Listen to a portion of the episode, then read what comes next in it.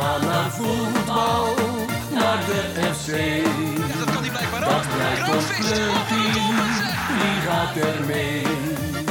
Is tegen Telstar of Helmond Sport?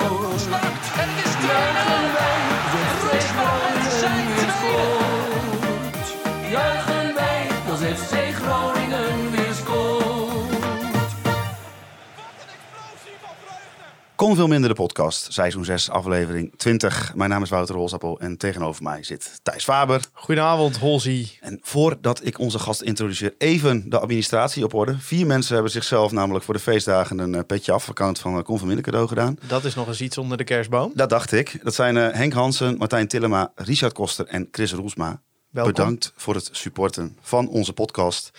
Hiermee krijg je toegang tot extra content zoals De Maan met Masker. Volgende week weer hè? Volgende week, ja. Zeker. Wat ik zeg, je bent nog niet uitgeboerd van de champagne Och, en oliebollen. Of Wim zit hier alweer in de studio. En natuurlijk eh, gehoord op de redactie met eh, een, eh, ja, een altijd enthousiaste Bas Kammerga. Als je dat wil, ga dan ook eventjes naar uh, conveelminder.nl. Ja, en dan komen we natuurlijk bij de introductie van onze gast. En ik, ik zit de laatste tijd de koffiecorner te luisteren. Ik ben toch wat geïnspireerd geraakt door de intro's van Leo Wassing. Dus hier ga ik. Nog een paar dagen, dan ligt 2023 achter ons. De 46ste keer dat wij achter de podcastmicrofoon kruipen. Het begon met een podcast met Ricardo Peppi op 4 januari. Het werd het rampjaar voor FC Groningen, dat toch eindigt met 10 wedstrijden op rij niet verliezen. Er is veel gezegd in verschillende podcasts, meninkjes hier, meninkjes daar. Emotionele inzinkingen van Thijs Faber met zuur, eh, met gal zuurder dan het zuurste zuur. Maar aan het eind van het jaar is er maar één iemand die het allemaal in perspectief plaatst. En waardoor er toch uiteindelijk hoop gloort aan het eind van de horizon. Michiel Jongsma. Nou, doe maar. Ken je die, ken je die uitdrukking don't quit your daytime job? Ja. Dat is een beetje met jou en intro schrijven. Ja, Kijk, nee, goed. Bij Leo is het wel fijn dat hij het ook in één keer zonder fouten voorleest. Ja, dat klopt. Ik, ik, ik heb toch meer respect voor hem gekregen nu. ja. Op, op zich kan je tot diep in de nacht eh, dit proberen in één keer foutloos op te lezen en het er nog in monteren. ja, dat kan ik doen. Ja, maar laat ik het authentiek houden. Wij zijn authentiek. was Ja. nog maar de derde keer dat je Ja, het probeerde. precies. De eerste- ja, precies. Allereerst jongens, eh, het is eh opnamedag 27 december. Hoe waren de kerstdagen? Nou, goed. Rustig. Wat was het hoofdmenu? Eh, ja, niet heel kerstig, maar chili con carne. Oh nee, dat is wel eh, Nee, een ja. beetje uh, ja, one nou, ik had... eh, kijk, Maarten en ik, eh, voor de mensen die dat niet weten... Maarten en ik zijn ook familie van elkaar. Oh, ja, is dat zo? En dat betekent dat ik... En, en we zitten in dezelfde vriendengroep. Dat betekent dat Maarten en ik drie avonden met elkaar gedineerd hebben. Dus ik heb een portie Maarten Siepel ook weer eh, gehad, zeg Gelukkig maar. gaat hij nu drie maanden weg. Ja, precies. Dus dan konden we alvast afscheid nemen. Maar eh, ja, bij eh, diner 3 was ik eh, aan de beurt voor het hoofdgerecht. En ik ben altijd wat nou ja, zelfverzekerd over mijn chili con carne. Toen zei ze, nou maak maar een keer. Nou, ik moet zeggen, ik heb smullende mensen aan tafel gezien. Ja. Dus Wat, als ieder- iemand het recept wil, dat kan. Wat was bij jou het hoofdgerecht? Eh, we hadden een Wellington, we hadden zalm, we hadden een ham. Oh, zeg ja hoor. Zelfgemaakte Wellington. Ja, ja, zeker. Jeetje. Ja. Ja, Er wordt altijd gezegd dat je dat absoluut niet moet maken. ik zeg ook niet dat je, dat je het moet doen. Maar nee, dat was, eh, was eh, gezellig. De familie van, eh, van mijn vriendin en eh, de ene dag en de familie van mij de andere. Dus En gaat het dan bij het kerstdiner ook over eh, data en eh, expected goals? Of? Nee, ik heb dat allemaal van tevoren al eh, uitgezocht. Dus daarom komt elke maaltijd precies op het juiste tijdstip Ja, eh, ja, ja, ten ja. tafel en dergelijke. De spreadsheets die hangen bij mij in het kantoor eh, al weken van tevoren. Ja. Dus, Ja, expected gaarheid. ja, precies, precies. Ja. Hey, we, ik zat even te kijken. We hebben volgens mij eh, ook eh, twee afleveringen na Ricardo Peppi hebben we ook met jou eh, opgenomen het begin van dit jaar. Tussendoor ook nog weer, of, was- of, of niet? Dat kan ik me niet, dat nee, ik hè? me kan herinneren. Je bent wel een beetje onze usual halverwege het seizoen eh, suspect geworden. Ja, dat klopt. Ja, dus eh, ook vandaag weer. Laat ik hem meteen even inknallen. Het is niet zo dat Ricardo Peppi straks ook nog eh, komt. Nee, nee, Nee, helaas nee. niet. Nee, nee. we Nee, gaan morgen naar Eindhoven. Dan, Ik- eh, nee. Even het, het, het schot voor de boeg. Ehm, wat, is jouw, wat is nu jouw gevoel over de mogelijkheid tot directe promotie voor FC Groningen? Ehm, ik denk dat het er zeker in zit. Kijk, we beginnen Ja. goed. Zo, kijk, ik zei toch dat hier de positieve, positieve kant werd eh, opgegaan. Ik, ik, ik voelde dat al van tevoren En waarom aankomen. vind je dat, Michiel? Nou ja, goed, je hoort net tien wedstrijden ges- ongeslagen. Dus dat is al een, een, redelijk, eh, een redelijk goede voorwaarde om eh, kans te maken op, eh, op promotie. Maar afgezien daarvan denk ik wel dat je bij FC Groningen kan, kan spreken van een stijgende lijn. Eh, het heeft best wel lang geduurd voordat er een duidelijke identiteit eh, ontstond bij die ploeg. Eh, maar zelfs toen denk ik dat je best wel veel wedstrijden kan aanwijzen waar je gewoon eigenlijk gewoon een beetje pech hebt gehad. Of eigenlijk heeft het niet heel erg meegezeten. En ik denk dat als je kijkt naar de ploegen die momenteel boven Groningen staan, dat bij bijna alle ploegen wel het geval is. Misschien kan Buur daar gelaten, maar Rode SC heeft daar, daar veranderde alles in één keer in goud. Nou, dat is nu een beetje, beetje bekoeld. En Willem II heeft ook zo'n zo'n zo'n reeks gehad waarvan je denkt van ja, ga je dit een heel seizoen volhouden? Ja, ik heb daar mijn twijfels bij. We hebben uh, dat, uh, Willem II twee keer mogen zien met FC Groningen. Uh, en daarin dacht je nou niet van dit is, uh, dit is klaar. Willem II vliegt meteen de eredivisie weer in. Het ging aan het begin van het seizoen natuurlijk echt super slecht hè, met FC Groningen. Hoe zat jij daar naar te kijken? Want had je toen al het gevoel van er zit hier meer in? Nou, ik heb het gevoel dat ik inderdaad nog een keer tussendoor ben geweest en toen al een keer... Nee, dat was bij het Dagblad van het Noorden. Was dat zo? Ja. Ja, ah, ja. ja daar, toen kwam Piet van Dijken niet. Toen dachten ze van, nou, oh, ja, laten we Michiel bellen. Ja, een orakel inwisselen voor het andere. Ja, ja. Nee, maar... Qua um, voetbalkennis scheelt het elkaar weinig. nee, maar het, ja, ik vond die wedstrijd toen tegen Willem II, daar dacht ik ook van, nou ja, verdedigend begint het ergens op te lijken. Alleen toen heb je een, een rare periode gehad, vooral die wedstrijd tegen, uh, tegen FC Den Bosch, denk ik, waarvan je dacht van, ja, je bent nu nog verder, uh, verder af van, van nou ja, een gewoon een beetje cohesie in deze ploeg dan, dan dat je uh, aan het begin van het seizoen was.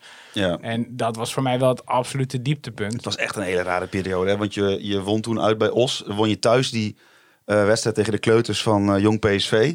Toen kwam ADO op bezoek, verlies je 1-0. Dan win je weer van Helmond. En daarna kwamen Den Bosch, NAC, de Graafschap, Emmen en Cambuur. En dat was, dat was echt een dramatische reeks. Nou, dat was ook wel een beetje het gekke van, van dit seizoen tot nu toe. De eerste vijf, zes wedstrijden, als je die op papier zag, dacht je van nou, dat moet voor Groningen minstens, um, dat, uh, nou, wat zal het zijn, een puntje of 14, 15 zijn. En daar, daar werden ze al twee keer uh, verslagen, twee Ja. keer gelijk, zoiets. Ja, bijvoorbeeld Ja, uit nee. bij Jong Utrecht. Jong maar ja, Utrecht. toen zeiden we nog van ja, eh, Ja, een kan beetje, een ja, keer, precies. weet je wel. Maar dat is uiteindelijk, denk ik, eh, dat is een van mijn stokpaardjes. Een van de weinige wedstrijden waar Groningen de mindere ploeg was. Ja, ik vond Ja. dat nog wel meevallen. Ik vond het eigenlijk, wat ik lastiger vond in die fase was dat je tegen Willem II eh, redelijk gemakkelijk eigenlijk overeind bleef verdedigend, maar dat je aanvallend er niet helemaal doorkwam. En dat dat dan voelde als, als een soort van controle, eigenlijk waar Dick Lukien graag eh, naar zoekt in zijn speelstijl. Die houdt van de bal hebben, de tegenstander op die manier moeilijk maken. Eh, niet, niet meteen altijd super flitsen, maar wel een soort van, nou ja, wij hebben de bal, dus jullie hebben hem niet, idee erachter. Ja, en toen tegen ADO zag je hetzelfde, maar die scoorde en het veranderde, het spelbeeld veranderde verder niet en er werd verder niets gecreëerd. En daarna tegen Den Bosch gebeurde weer hetzelfde en het leek een beetje alsof ehm, op dat moment FC Groningen de bal wel mocht van de tegenstander en er gewoon eigenlijk eh, niet, eh, niet echt iets eh, mee, mee aanwist. En dat de tegenstander dacht van, nou ja, goed, als we jou- jullie de bal geven, dan maken jullie vanzelf wel een keer een fout en wij profiteren ervan. En toen kwam inderdaad die reeks waarvan je toen al dacht van, dit gaat heel moeilijk worden, maar nu heb je de punten nodig. En die kwamen eigenlijk ook niet echt. Nee. En eigenlijk is het, ja, het kantelpunt wel, eh, denk Dordrecht thuis eh, zo'n beetje geweest. Hoe heb jij dan in die tijd gekeken naar dat speels, die speelstijl van Dick Lukien? Want hij heeft eigenlijk wel gewoon de hele eerste competitiehelft door gewoon vastgehouden aan het initiële plan. Er is eigenlijk weinig aan veranderd op het, op het eerste oog. Nou, ik denk dat er best wel veel is Maar veranderd. de poppetjes zijn vooral veranderd. Ik denk dat dat is wat de Hols probeert te zeggen. Nou, het is de- zeg maar dat, eh, nou ja, eh, dat in de volksmond noemen ze dat dan de 4-2-2-2. Dat doet hij toch nog steeds? Of zie- kijk je daar Nou ja, hij heeft naar? Ja, natuurlijk wel op een gegeven moment geprobeerd wel met buitenspelers en Van Veen in de punten. Door Nou, de- laat ik dan zo zeggen. Wat, wat voor ontwikkeling heb jij daarin gezien? Nou ja, wat wel grappig is, de kritiek die er heel erg veel is geweest op deze selectie. En ook op, eh, op de technische kant van de, van de club eh, aan het begin van het seizoen is van... Goh ja, het, eh, niemand is weg, dit en dat, bla bla bla. Maar als je keek naar eh, de elf die op een gegeven moment eh, tegen Jong Utrecht laatste half uur ongeveer speelde. Volgens mij was alleen Duarte eh, vorig seizoen eh, ook eh, regelmatig basis spelen. Dus er is best wel veel veranderd. Ja, Balker. Verrips, denk ik. De Balker stond er niet op, Verrip stond er niet op. Tegen Jong Oh, Utrecht volgens mij. Oh, afgelopen wedstrijd. Ja, ja. tegen Utrecht. Oh ja, ja, ja, ben je, ben maar- een jaar verder. Ja. Maar ik denk dat het probleem is dat ondertussen die spelers die er nog wel zijn, wel allemaal voor tonnen per jaar op de bank zitten. Tuurlijk, alleen aan het begin van het seizoen begin je, weet je, Iran Dust, Abraham zijn nog serieuze kandidaten voor speelminuten.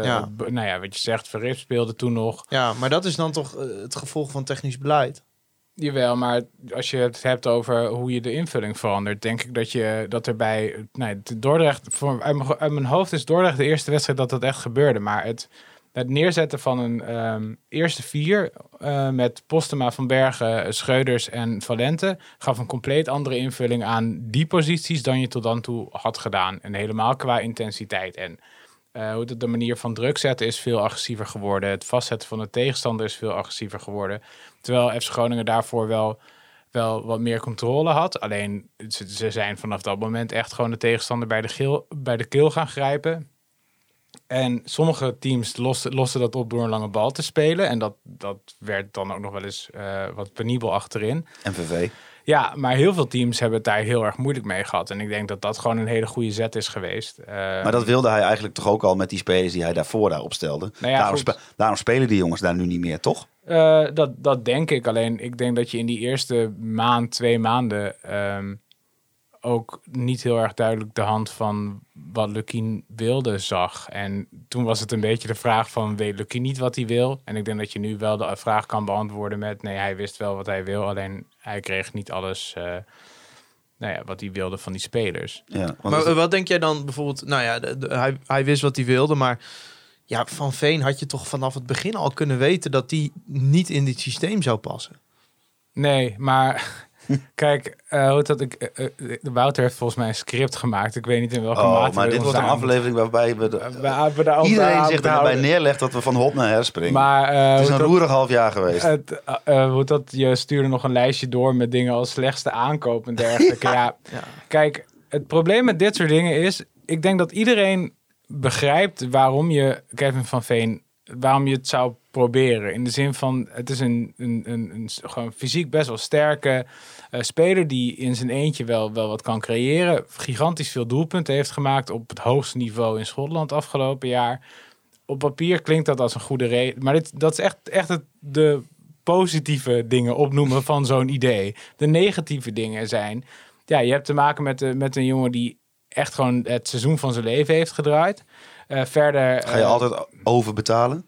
ga je altijd over betalen. Hij heeft geen restwaarde. Eh, je weet van tevoren al in de gesprekken dat je concessies moet doen ten opzichte van zijn beschikbaarheid. Je weet dat hij een, voor het eerst een kind krijgt. Nou, volgens mij hebben de mensen die hem hebben gehaald zelf kinderen. Ik denk dat zij daardoor ook wel kunnen inschatten dat een eerste kind, kan uit ervaring Ik wou spreken, zeggen, wij hebben dat niet, jij wel. ja, eh, dat, dat, dat het wel impact heeft, zeg maar. En als je dan ook nog weet dat die partner in dit geval besluit in Schotland te blijven. Waardoor, weet je, je, je, je echt het gevoel hebt. Dat het, het gaat, je, je weet dat de kans dat de, eh, dat de voetballer in kwestie hier eh, moeite gaat krijgen met de afstand. Helemaal als het kind straks is, ge, ge- dus zoals nu is geboren. eh, en je er niet de hele tijd kan zijn. Maar ook in die periode ervoor. Je wil er dan graag, graag voor je partner zijn. Dus dat zijn de nadelen. En zo'n speler kan dan zeggen van... En het had natuurlijk goed kunnen gaan. Want dat laten we nou niet doen alsof Kevin van Veen in één keer... Een, gewoon ehm, een dramatische aankoop per se had moeten worden. Eh, en ik denk nog steeds zelfs dat het niet per se een dramatische aankoop is. Want er zijn verschillende gradaties waarin je dat kan... Het is niet doen. Jannik Pol of ik wou, Paulus ik, wou, ik, ik wou de naam niet noemen, maar ik dacht ook aan Jannik Ja. Pol. Eh, waarbij je echt denkt van ja, deze, deze jongen kan, kan gewoon niet voetballen. Maar bij Ja- Yannick Pol was het toch nog zo, die zat niet constant op Twitter en Instagram en weet ik veel wat allemaal gekkigheid uit te halen. Ja. Nou ja, goed, Het- dat- kijk, het hele verhaal is natuurlijk gewoon gênant geworden. Je haalt alle een- partijen. Nou ja, goed, je haalt gewoon een jongen binnen die volgens mij eh, in de juiste omstandigheden hier inderdaad wel 30 goaltjes had kunnen maken, zoals hij zelf zei. Eh, en ehm het, die ook echt wel zijn best heeft gedaan eh, tot op zekere hoogte om hier te slagen. Maar waarbij het wat je vraagt van hem en wat, wat daarin realistisch is, gewoon misschien best wel ver uit elkaar ligt. Helemaal als er een trainer komt die een compleet andere speelstijl verwacht dan wat die speler gewend Ja, maar die is. trainer heeft hem toch ook gehaald? Die was toen ook mede verantwoordelijk al. Die was toen ook al aangeschoven bij de gesprekken van dat compositieoverleg.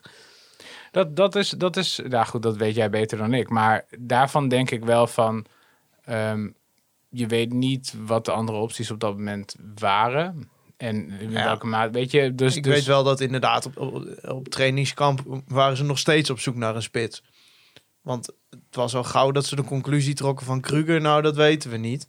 Nou, dat wisten ze wel. Nou, toen werd Lien eh, ergens onderuit zo over slechte Ja. aankoop gesproken. Ja. Maar ehm, wat ik zo gek vind, is dat, dat zeg maar, het type van Veen past niet in. Zeg maar, kijk, dat kun je niet op Van Bergen plakken.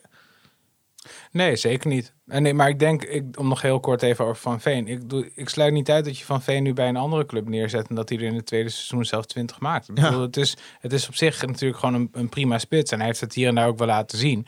Alleen, eh, ja, als je constant probeert controle te krijgen... door balbezit te behouden... eh, of balbezit te krijgen eigenlijk... en, eh, en daar gewoon een bepaalde verdedigende in- intensiteit van je spits in... in verwacht, ja, dan is hij niet je type speler daarvoor. In hoeverre heeft hij te weinig aanvoer gehad om zich echt te kunnen laten zien? Ehm, dat klinkt als een hele makkelijke vraag, maar een hele moeilijke vraag. Nou ja, bijvoorbeeld eh, de, om, om de statistisch eh, er maar bij. Op het moment dat hij er zeg maar uitging bij Groningen, stond hij in de expected goal lijstjes gewoon bij de bovenste drie. Ja, maar dat kwam ook omdat hij juist degene was die de kansen kreeg. Ik denk dat, eh, dat iemand Ja, maar dat is mijn punt, zeg maar. Dan, dan, dan had hij toch ook meer kunnen scoren al. Mm, nou, ik denk dat daar zit ook wel een element van aan elkaar wennen. En kijk, de, ver- de verwachtingen zijn gewoon gigantisch groot geweest. En ik denk eerlijk gezegd dat als je naar, naar, helemaal naar het begin van het seizoen kijkt... Jullie hebben veel van de voorbereiding gezien.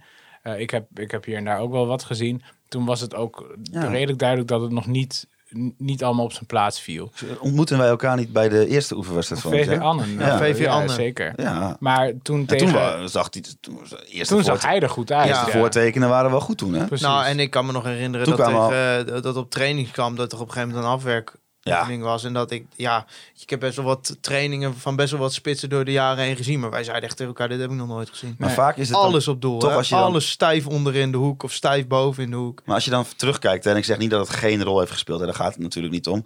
Maar dan, eh, de, de excuses kwamen wel al vrij snel, hè, over fitheid, over Ja. Eh, de manier van spelen. ja, kijk, het hielp ook niet. het Want eigenlijk- dan zijn we nog vergeten dat die gast 7 kilo spiermassa kwijtschraakt in twee weken. Nee, dat helpt ook zeker niet mee. Maar eh, Omdat hij gewoon het eh, moment dat een zware griep had. op het moment dat iets een goede kant op lijkt te gaan, dan zul je geen, niet van dit soort excuses horen, lijkt mij. Nee, maar toch vond ik hem bijvoorbeeld tegen Jong Ajax in die eerste wedstrijd. eh, toen was hij eh, Ja. eh, de jongens bij de hand aan het nemen voorin. Hij probeerde Touré te laten scoren in die eerste wedstrijd. Hij was zelf hartstikke dreigend. Toen dacht ik van, nou, dit zit wel goed. Maar er is iets gebeurd of zo. Ja, Ja, maar ik denk, kijk, de verwachtingen die waren torenhoog. En de redenen daarvoor hebben we net ook wel, wel benoemd. Ja. Eh, en op het moment dat het team niet draait en hij draait niet, dan wordt, wordt een spits gewoon zelfzuchtiger. Ik zag toevallig nog een eh, item eh, met Romano Postuma voorbij komen vandaag. Waarin hij ook zei dat hij ervan baalde dat hij toen die jong PSV-wedstrijd miste thuis. Hij dacht van, nou ja, dan kan ik er even een paar inschieten. Ja, ergens een hele rare opmerking, want Ja. je wint gewoon. En is dat, zijn dat nou de wedstrijden waar je het verschil eh, moet maken? Nee, dus, dus dat is toch een spitse ding, denk ik. Dat je dan graag...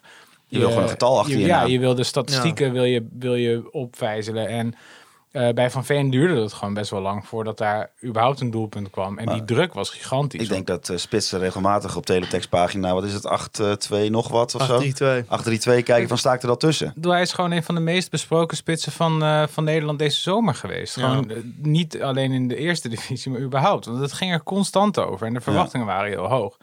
Ja, en dan op een gegeven moment denk ik dat hij zo'n gevoel heeft van... ik wil mezelf een soort van vrijpleiten door in ieder geval mijn bijdrage te doen door te scoren. En dan krijg je een hele moeilijke discussie over hoe gaan we tot die doelpunten komen. En eh, gaat de speelwijze dan ten koste van zijn bewijzingsdrang Ja. en vice versa. Ehm, maar goed, het, is, het, het- ja, het heeft tot nu toe heel ongelukkig uitgepakt. En eh, nou ja, als, je, als je het een beetje hoort, eh, zit er ook wel een einde aan te komen natuurlijk aan die Ja, dat samenwerking. gevoel heb ik wel. Heb jij nou in die speelwijze een bepaalde ontwikkeling gezien? En wat, wat is die dan? Ja, ik heb wel een ontwikkeling gezien. Ik denk dat eh, wat, wat heel interessant is. eh, kijk, we zijn nu, wat is het? Een wedstrijdje 20. of eh 20 20. onderweg, ja. 20 en twee keer beker. Ja, precies. En nog steeds heb je het gevoel dat FC Groningen zijn beste elf denk ik nog niet heeft op kunnen stellen. Want je hebt ook bijvoorbeeld Hoven en, Bo- eh, de Duarte hebben nog geen wedstrijd samen in de basis gespeeld. Dan ben je 22 wedstrijden verder. Terwijl dat eigenlijk het middenveld koppeltje is dat ik nu het liefst zou willen zien. Eh, je hebt, eh, hoe heet dat, eh, op linksback heb je nog steeds een soort van, soort van probleem van hoe, hoe ga je dat oplossen. En eh, ik denk dat je het in de spits ook hebt met Van Bergen eh, en Postema. Van, stel je ze samen op, moet er een ander type bij. Eh, hoe, hoe ga je dat speelstijl technisch gezien oplossen? Want dat is best wel ingewikkeld. Want wat ik net zei over druk zetten. Ik denk gewoon verdedigend is Groningen echt de beste ploeg in de e- eerste divisie. En het is gewoon niet eens close. Het staat momenteel zo goed. Je ziet dat teams... Je ziet aan de tegenstander niet tegen wie FC Groningen speelt bijna. Want Rode JC wordt onder druk gezet. Willem II wordt onder druk gezet. En Jong Utrecht wordt onder druk gezet. En toch is het close. Want geen van die drie ploegen eh, eh, krijgt het doelpunt op dat moment om de oren. En daar zit denk ik de grote uitdaging voor de tweede seizoenshelft. Als je eh, die verdedigende intensiteit kan behouden, wat heel hoog druk zetten is, van van heel snel druk zetten, eigenlijk niet per se heel hoog, maar heel snel druk zetten is. ehm, en dan gewoon een redelijk, redelijk hoge achterhoede proberen neer te zetten. Ehm, ik denk dat als je het aanvallende gedeelte nu fixt, dan eh, loop je gewoon het tweede seizoen zelf in en eh, eroverheen bij Ja, want zijn, wat, wat zijn een beetje de positieve en negatieve kanten aan spelen op deze manier? Eh, het voordeel is dat de tegenstander gewoon eigenlijk moeilijk aan het voetballen toekomt. Alleen Rode JC heeft meer doelpunten uit open, of minder doelpunten uit open spel tegen dan FC Groningen. Nou, expected goals tegen van FC Groningen is veruit het laagst. Ook in de expected points tabellen staan ze, staan ze, staan ze hoogst in bijna elk model volgens mij. Ja, nog hoger dan Willem II. Hoger dan Willem II. Ja, Cambuur scoort er ook goed in. Die hebben het Ja. juist aanvallend redelijk goed voor elkaar. Eh, dus dat zijn, dat zijn gewoon hele positieve eh, eh, metrics eigenlijk. Afgezien daarvan, het, qua snelheid druk zetten, wat ik al zei. Je hebt dan, zoals het dan heet, opposition passes allowed per defensive action. Wat PPDA verkort is Opposition, passes, allowed. per defensive action. Dus hoe vaak of hoe snel of hoeveel passes worden er door de tegenstander verstuurd per ondernomen verdedigende actie. En bij Groningen is dat momenteel rond de 10. En dat is het laagste van alle teams. Oftewel, de tegenstander krijgt maar 10 passes de tijd voordat FC Groningen gemiddeld. eh, De bal alweer afpakt. nou, probeer in ieder geval de, de tegenstander daarbij mee onder druk zet met zo'n soort actie. Dus ja, dat, dat zijn gewoon dat zijn hele kenmerkende dingen in zo'n speelstijl. Zij vero- veroveren ook de bal heel erg hoog op het veld. Dus ze hebben ook de meeste high turnovers. Om er nog maar even een, eh, een ter- term voor jou Ik te bijna op NBA 2K te lijken. Zit je dat nou allemaal voor te lezen van je schermpje, of niet? Nee, Eh, dit weet ik. eh. Dit weet je uit je Ja, dit, hoofd. dit is allemaal parate kennis, mogen de mensen ik, heb het, ik heb het eerder opgeschreven. Ja, dus, eh, dan, eh, Ja, dat- Ja, ja, ja. waarschijnlijk heb je er een paar zelf maar dat betekent dus Ja, dat, eh, dat, dat, dat eh, Het- FC Groningen zo hoog druk zet dat, ze, dat er geen ploeg is die hoger op het veld de bal terug Ja, sneller eigenlijk Ja. vooral, ja. En ook hoger hoor, maar ook sneller. En, en het voordeel daarvan is, nou ja, goed, je hebt snel de bal. De tegenstander komt eigenlijk niet aan, aan voetballen toe. Wordt snel gedwongen tot keuzes maken aan de bal. Nou ja, hoe lager het niveau van de tegenstander, hoe slechter die keuze Telstar is een heel goed voorbeeld. gesproken Jong. AZ was misschien wel het allerbeste voorbeeld van hoe dit werkte, toch? Ja, precies. Alleen het nadeel is eh, dat de tegenstander, die stelt zich er meestal op in. Ehm Nou ja, dat begint steeds meer te komen nu. nou, Nou, die lange diepe bal, dat begint me wel een beetje Ja, die een, lange eh, diepe een, zorg, een zorgkindje te worden. Ja, wat ook wel, wat is ook wel, nou, wat je zei tegen MVV, mij viel echt op dat Wouter Prins op een gegeven moment werd getarget door de tegenstander. Van daar gaan we die bal naartoe slingeren. Eh, die vinden wij van de achterhoede die er nu staat verdedigend het, het zwakst. Eh, en we denken daar het snelste er doorheen te komen. En ik denk, ik heb dat, dat niet paraat, maar volgens mij, als je nagaat hoeveel doelpunten heeft Groningen, als ze een doelpunt tegenkrijgen, dat het gewoon verdedigend, gewoon in transitie, dat daar iets fout gaat. Nou ja, elk voorbeeld waar je zo'n beetje aan denkt, is zo'n soort situatie als tegen Jong Utrecht of tegen, Ja. tegen MVV. ja, maar als je dan zelf heel weinig scoort, is dat meteen doorslaggevend. Dat is natuurlijk het gevaar En- wat en, hier en, ligt. En dat is niet het enige. Wat ik denk dat een ander groot probleem is. Kijk, deze speelstijl is leuk. Alleen je brengt gewoon aanvallend je spitsen niet in hun kracht.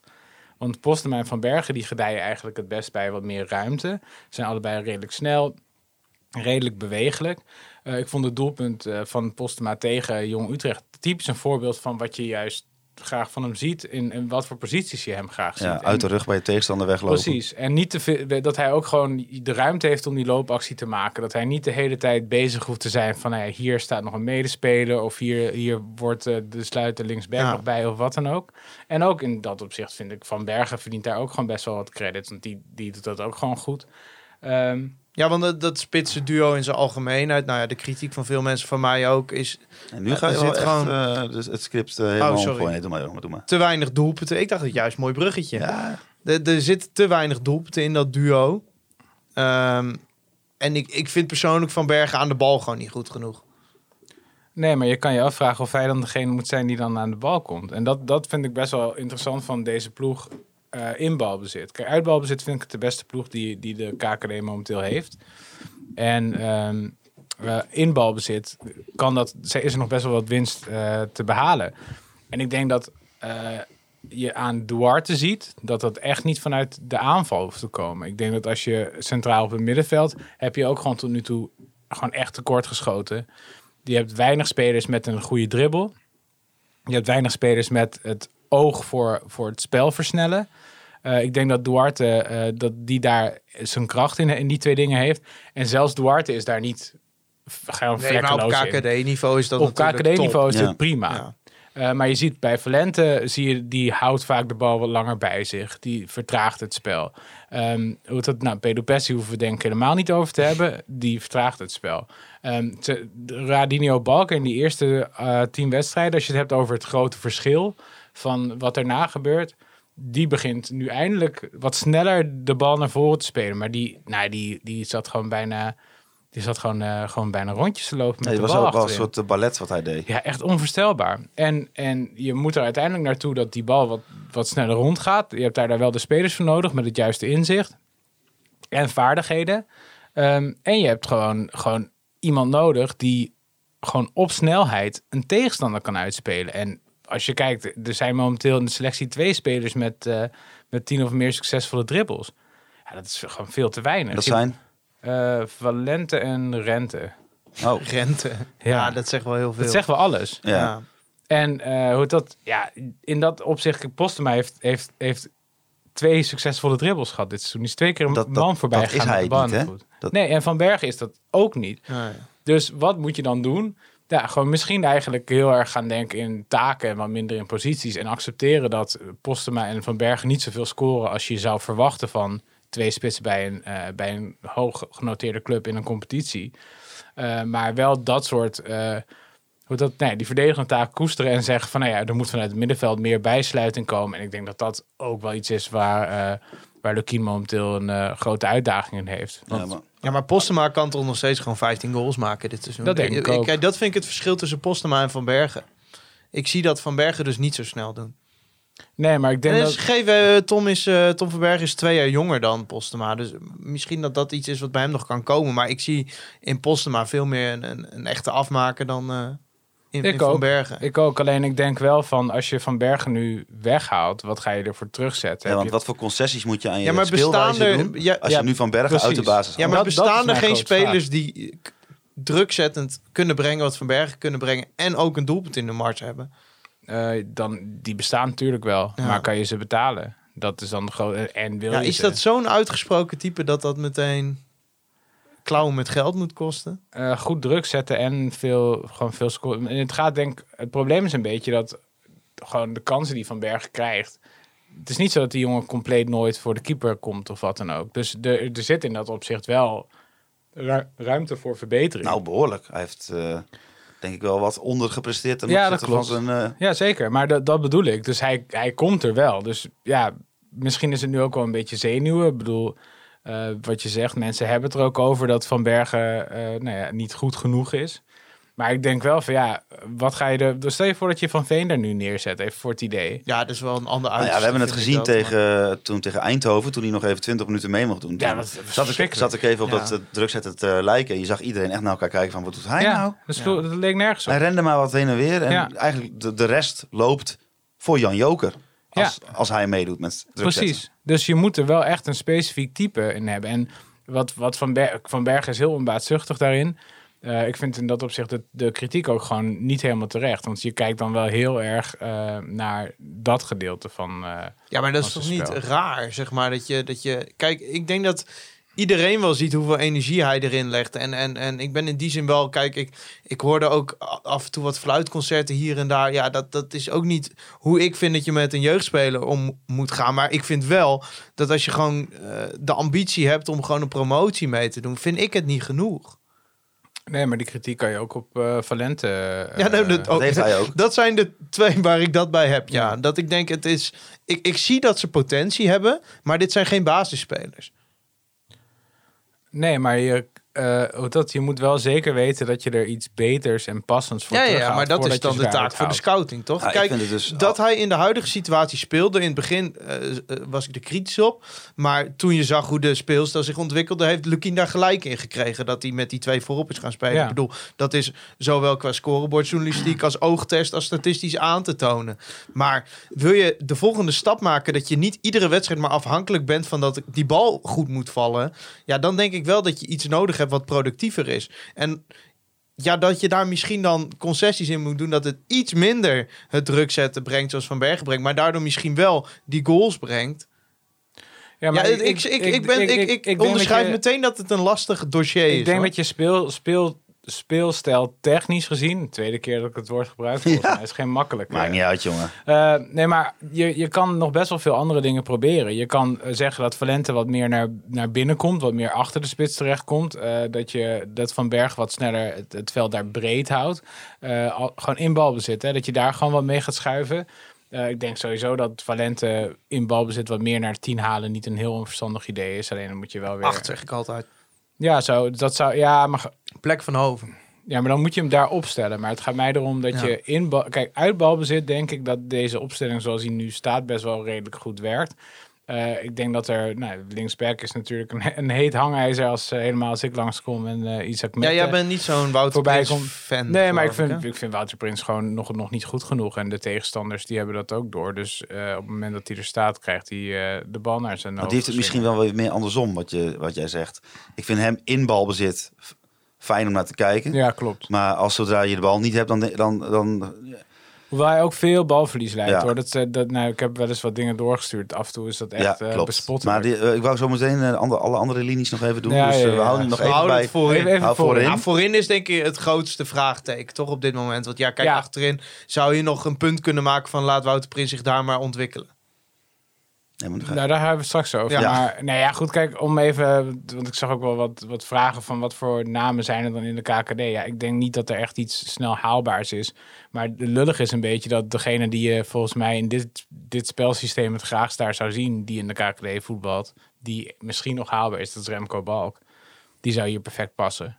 Die, in dit systeem. die zou, ja, dan heb je echt iemand met het verdedigend vermogen... Nog een eigen jeugd Iemand- spelen. i- ja, iemand, iemand, iemand met echt een dribbel. Want dat, Ja. dat is ei- eigenlijk, ik vind dat afmaken van kansen is één ding. Maar ik vind vooral dat je eigenlijk nooit, ehm, nooit het gevoel hebt dat als Van Bergen of Postema één of één op één tegen een verdediger, als er nog een verdediger voorbij moeten, Ja. dat je dan het gevoel hebt dat daar nog iets uitkomt. Maar kijk, je- als je dan bijvoorbeeld kijkt naar eh, eh, die wedstrijd tegen Eindhoven.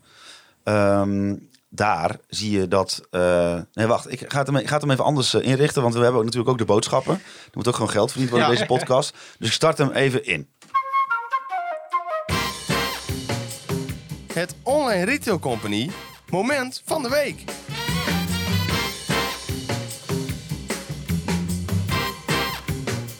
Ja, want eh, in het online Krijgen we retail hier geld company, voor, ja? Ja, Ja, ik doe het iedere week eigenlijk eh Voor- met voor je name lol. uit liefde. ja. Want het is natuurlijk het online retail compliment van de week. Nou, laten we er even het moment van het, Online Retail Company moment van, van de het. Je halve praat er jaar. wat snel overheen. van het halve jaar nemen. Ja, van het half jaar wil jij. Het Ja. moment van het half jaar. Michiel, weet jij hoeveel expected webshops eh, de online retail company heeft? Ik geloof dat er 15 zijn. Ja, Ja, ja, ja. ja, Kijk, ja, ja, ja, je ziet het, blijft hangen bij de Ja, het mensen. blijft Ja, hangen, ja, dat is, het een soort. Pavlov-effect. Ja. Zeg maar, dat getal 15, dat zal voor altijd aan de Online Retail Company Ja. gekoppeld Nee, maar ook in onze laatste aflevering van het jaar kunnen ze niet ontbreken. Hè? Nee, maar ja, sorry. Als jij bij één, een one-stop shop, 15 gespecialiseerde webshops, ja, dan weet ik niet waarom je nog ergens anders boodschappen zou doen. Precies. En als je dan ook nog eens 15% korting krijgt door de code KVM of de code DIK te gebruiken. Ja, sorry jongens, ik, zou het wel weten. Ik gebruik dit bruggetje omdat eh, nou, het moment van het half... Bruggen kun je niet kopen. Nee, dat klopt. Het moment van het half jaar. En een van de, ja, mijn favoriete momenten van dit half jaar was eigenlijk... je staat goed, je voetbalt moi aan de bal... maar je hebt één speler die met één actie een wedstrijd kan omkeren. En dat was voor mij dus dat moment tegen eh, Eindhoven... dat uh, Laurens Duarte eh, ja, uit de tweede lijn die bal erin schiet... en eigenlijk dat je daardoor die wedstrijd wint... Ehm, en dat wou ik dus ook hier aan koppelen. Dit team staat goed, maar je hebt één, twee, drie spelers nodig die iets extra's kunnen. Waardoor je misschien net over die dode momenten heen wordt geholpen om wedstrijden te gaan winnen. Nou, kijk naar Willem II met Bokila. Ja. Ja, die, die Bokila Is kan dat, jouw, niet zo is dat jouw veel, online retail company moment van, eh, van het half jaar? Wat? Bokila? Ja. Nee, nou, ik vind Bokila wel echt een prachtig verhaal. Ja, want die mij- gast kan niet zo heel veel. maar eh, die heeft nu volgens mij al drie keer dit seizoen als invaller twee goals gemaakt. Ja, dat is natuurlijk... Ja, brings back the memories naar Michael de Leeuw. Onder Erwin van der Looy. Ja, maar dat is, ik denk dat dat ook wel, wel het jij noemt Duarte net. En Duarte de laatste weken lukt echt alles bij hem eh, zo'n beetje. Zelfs eh, balletjes links eh, met de linker Ja. buitenkant van de voet voor de verdediging langs spelen. Nee, maar de- hij, hij, hij is momenteel echt gewoon wel een beetje, ik wil niet zeggen het, het, het, het missende stukje gebleken, maar wel gewoon van, nou ja, zo'n type heb je heel erg nodig. Maar dat Ehm, ge- geldt toch voorin eigenlijk ook? Dat je iemand nodig hebt die net iets onverwachts kan doen... waardoor je een doelpunt gaat maken. Ja, maar ik vind het dat misschien, maar ik vind het wel interessant dat ehm, sinds Duarte erin staat, Postema ook weer beter is gaan spelen. En nou ja, goed, dat de gemiste kans uit de Duarte steekpaas eh, bij zijn invalbeurt tegen Eindhoven was dat volgens mij ook. Ja, Ehm, was een typisch voorbeeld van ja, je kan inderdaad heel erg zeggen van Duarte kan die paas geven, maar het is ook Postema die typisch dit soort eh Ja, loopacties en daarna maakt. die rode kaart. eh, En die rode forceert. kaart. Ja, en, en eh, hoe heet dat? Ehm, ja, goed. Ik denk dat, dat in dat opzicht eh, er op andere posities ook nog dusdanig veel ontwikkelmogelijkheid is. Dat Van Bergen in de basis niet per se schadelijk hoeft te zijn. Maar ja, als je er een betere voor kan krijgen, graag. Ja, tuurlijk. ja want eh, dat dat is een beetje het concluderende van dit half jaar. Is Van Bergen degene met wie jij de tweede seizoenshelft in zou gaan op die positie? Of zou je er een ander voor zoeken? Nou, wat ik nog wel interessant zou vinden is eh, als je Postema nog meer eh, het vertrouwen geeft en, en, en de vrijheid daarin. Van nou ja, probeer in het Valente eens een keer niet op acht, maar gewoon echt naar, naar de 10 te halen. En dan eventueel dat hij met Hoven een soort van, van positie kan wisselen. Dat, dat die twee met Duarte op het middenveld staan. En dat je dan op links voor nog echt een specifieke. Wel hardwerkend, want dat is heel belangrijk bij, bij eh, het team. Hard, hardwerkende eh linksvoor. En dat je dan daar gewoon een dribbelaar Ja. bij haalt. En dan je- Valente zou toch net zo goed als Van Bergen nu doet druk kunnen zetten vanuit die spitspositie. Dat, dat, Dat dat, kan niet, denk ik nou, ik denk dat Van Bergen er wel echt heel goed in is. Maar ik denk, eh, en ik denk dat Valente er min, echt minder in is. Maar eh Valente is fysiek wat verder. Ehm, en is gewoon überhaupt natuurlijk voetballend beter. Ja. Eh, dus, dus dat is een beetje de trade-off. En Mag mag ik voor jou jouw conclusie over Van Bergen een beetje invullen? Dat je samengevat, je vindt de kritiek op hem niet altijd terecht. Maar het is ook niet dat je hem een onbetwiste basisspeler vindt. Ik, eh, dat klopt, ja. Ik Ja. vind, ik vind, ik vind, is hij goed genoeg als aanvaller, zeg maar? Dan zeg ik nee. Alleen als speler, zeg maar, gewoon heeft hij bepaalde kwaliteiten die, eh, die zodra, zo, zo- als een andere positie het invult, kan, kan, kan je er prima mee door. Daar ja, komt dus je hebt de doepte wel ergens anders nodig als je met hem doorgaat. Ja, Dat precies, is eigenlijk- precies. En Ja. dan, en nou goed, ik denk ook van, van als je er, je moet er eigenlijk gewoon een, een iemand met een individuele actie bij hebben Ja. Eh, voor Valente, voor op de positie van Valente of van, eh van Ja, Bergen. want Bas Bouwman die vroeg ook nog, eh, eh, valt er ook nog iets op als je bijvoorbeeld naar de data van Tom van Berg kijkt? Nou ja, hij, wat ik net al zeg, hij scoort qua eh balverovering in de aanvallende derde gewoon heel erg goed. Zijn expected goals per, per 90 minuten, om het even gemiddeld. Anders is het een beetje oneerlijk dat eh, invallers met grote kansen zeg maar in één keer Ja. ja. staan. Ehm, of andersom eigenlijk. Maar eh, hoe dat, die, daar, daar komt hij er gewoon heel goed in uit. Dus hij creëert best wel wat. Hij, hij creëert gewoon per, per wedstrijd wel meer, meer dan één kans voor een teamgenoot. Hij heeft, hij heeft een expected goals waarde volgens mij van 0,3 of zo per 90 minuten. Wat echt prima is voor een aanval. Niet goed, maar prima. De tweede Eh, en, dat, en dat assist. druk zetten. Is dat tweede? En tweede in assist. Ja, Ja. Dus, en dat maakt het dus ook, vind ik, wel ingewikkeld om, eh, nou ja, om hem helemaal af te schieten. Want ik denk dat als hij daar niet staat, dat je speelstijl, zeg maar, best wel een eh, deuk oploopt. Ja, en eh, we gaan eventjes helemaal naar de eh, andere kant van het veld. Nee, want ik... Oh ja? Ja, nou, we hebben het over een van die voorste vier nog niet gehad. Maar ik vind wel... Nee, ik was wel enthousiast over Prins. Jij totaal niet. Wat vind jij van Schreuders eigenlijk? Die speelt volgend jaar eh, in, op het hoogste niveau. En of dat nou in Nederland is of ergens anders. En voor Groningen, dat weet ik allemaal niet. Maar die, eh, dat is je meest getalenteerde speler. Ja, dat is niet alleen de oogtest, zeg maar. Nee, nee, nee. nee. De data zegt het, Thijs. De data zegt het. Nee, maar... Maar wat de- zegt die data? We hadden, we hadden net over balverovering in de aanvallende derde. Eh Schreuder staat met een straatlengte voor wie dan ook in de, in de KKD. Ik wil nog eredivisie, zeg maar. Dat is niet, nee. Dat spelen we niet Eh, dat eh, gewoon dingen als expected assist scoort hij heel erg goed op. eh, gecreëerde kansen vanuit open spel staat hij derde of zo. Eh, en even afhankelijk van welke, welke sample size je neemt, eh, staat Duarte daar, daar bovenaan. Maar die heeft nou, nog geen 400 minuten gespeeld volgens mij. Maar Schreuder scoort daar op dat soort dingen gewoon echt, echt formidabel goed. En ehm, afgezien daarvan, eh, de eerste vragen van clubs uit het buitenland van... Hey, eh, hoe zit het met die jongen, zeg maar, die zijn, die zijn er ook al wel eh, geweest bij mij. Eh, dat is vaak wel een teken dat iemand opvalt. Dan zeg jij, die kan er niks van, toch? Om een beetje te beschermen. ja, ja. Zeg je van die, die jongen die buiten de gemeente Groningen raakt helemaal in paniek.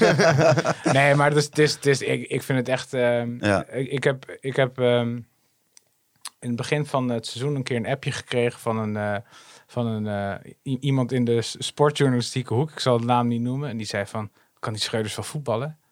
Ik zei, nou, het was tegen Jong Utrecht. Ja, Zo. dat was toen niet op het middenveld. Ik zei, hij kan, hij kan echt wel voetballen, weet je. En echt zo, ja, het is echt wat, eh, die, nou ja, diegene was echt eh, helemaal eh, met stomheid geslagen. Ja, dat was echt En, een eh, blama blam- Ja, blamerende ik- ja, optreden. Ook heel verontschuldigend, want ik had wel eens gezegd dat het wel een interessante speler was. Ja. Maar een paar maanden later hebben we het er nog even over gehad. Toen, nou ja, ja, toch wel goed. Ja, maar Dus, die eh, positie ja, en- van hem op de buitenkant, dat ligt hem toch wel of zo. Ja, en wat Ja, toch het wel- is- het, het, het, het- hij maakt natuurlijk dat puzzeltje wel compleet, omdat hij gewoon... Ja, hij brengt het. Ja, ik kan het niet helemaal beschrijven, maar het is gewoon hij brengt iets of Nou, zo. hij- het, die, het, fijne, voor, het fijne die- voor hem is inderdaad, hij heeft het, hij heeft het, eh, eh, hij heeft de snelheid, hij heeft het technisch vermogen, hij heeft het inzicht eh, om op die positie het verschil te maken. En het, het fijne voor hem is dat hij, ehm, juist omdat het wat makkelijker voetballen is, de, weet je, hij heeft een, een lijn zeg maar die hem een beetje, een beetje tegenhoudt. Ja. Ehm, is, kan hij die, die, die energie gewoon wat beter kwijt. Maar zijn gevoel voor anticipatie, verde- vooral verdedigend, is echt, echt ongelooflijk. Ik bedoel, eh, hij heeft volgens mij ook wel, wel een assist op die manier gegeven dat hij de bal Ja. veroverde hoog op. Eh, maar heel vaak is dat gewoon een heel dreigend eh, wapen eigenlijk. En, en dat maakt die voorste vier, vind ik ook zo interessant. Want Valente is er voor je gevoel nog het minst goed in, maar die is er ook best wel goed in. Ik bedoel, het is een hele vervelende speler ook om tegen, tegen te spelen. Dat geldt sowieso voor die voorste vier van Groningen. Maar met Schreuders heb je wel echt het gevoel van nou, gewoon komt ook, een, komt ook over als een heel goed karakter. Eigenlijk gewoon door de jaren heen altijd heel erg geroemd als een rolmodel, aanvoerder geweest. Nou, ja, wat wel Ja. grappig is, is dat eh, als je nu op de Instagram van al die spelers kijkt, dan zit de een die zit in Malaga en de ander die zit in Rome. De, Luciano Valente zit toevallig in Rome. Nou, de meeste zitten in Dubai. eh. En de, de- overal zijn ze waar de zon schijnt. En ik eh, sprak hem toevallig na de wedstrijd tegen Jong Utrecht. En toen vroeg ik van, nou, waar ga je heen? Ibiza, lekker naar de club en zo.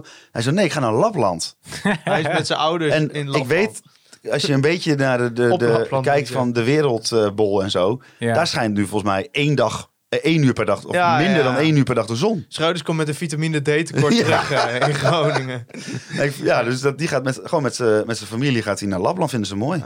Dat vind ik dan toch, ja, dat is dan toch een beetje Als, atypisch voor... als krachttraining zo'n slee aan het trekken met zijn familie erin om te zorgen Nou dat hij ja. wel fit terug Ik vroeg nog of hij in zo- dan in zo'n wak ging springen en zo. Maar Ja. toen zei hij, ja, hij houdt wel van een ijsbad, dus misschien ging hij dat Ah, wel doen. Ik weet nog dat we toen bij Rijnsburg stonden en, eh, en, en toen kwam hij erin. Eh, in de, denk ik, 70ste minuut of zo. En wel eens als een jeugdspeler erin komt, dat je denkt, nou, die deed best leuk. Maar hij was gewoon toen in één keer de beste speler op het veld. Want Ja. het was een beetje zo'n gezapige wedstrijd en hij kwam er gewoon in. Het was een beetje dat hij dacht van, nou, nou ga ik laten zien ook. Dus die veroverde meteen drie, vier ballen. Je zag ook die, die houthakkers achterin bij, bij Rijnsburg, die dachten meteen, fuck, wat is dit? Ja.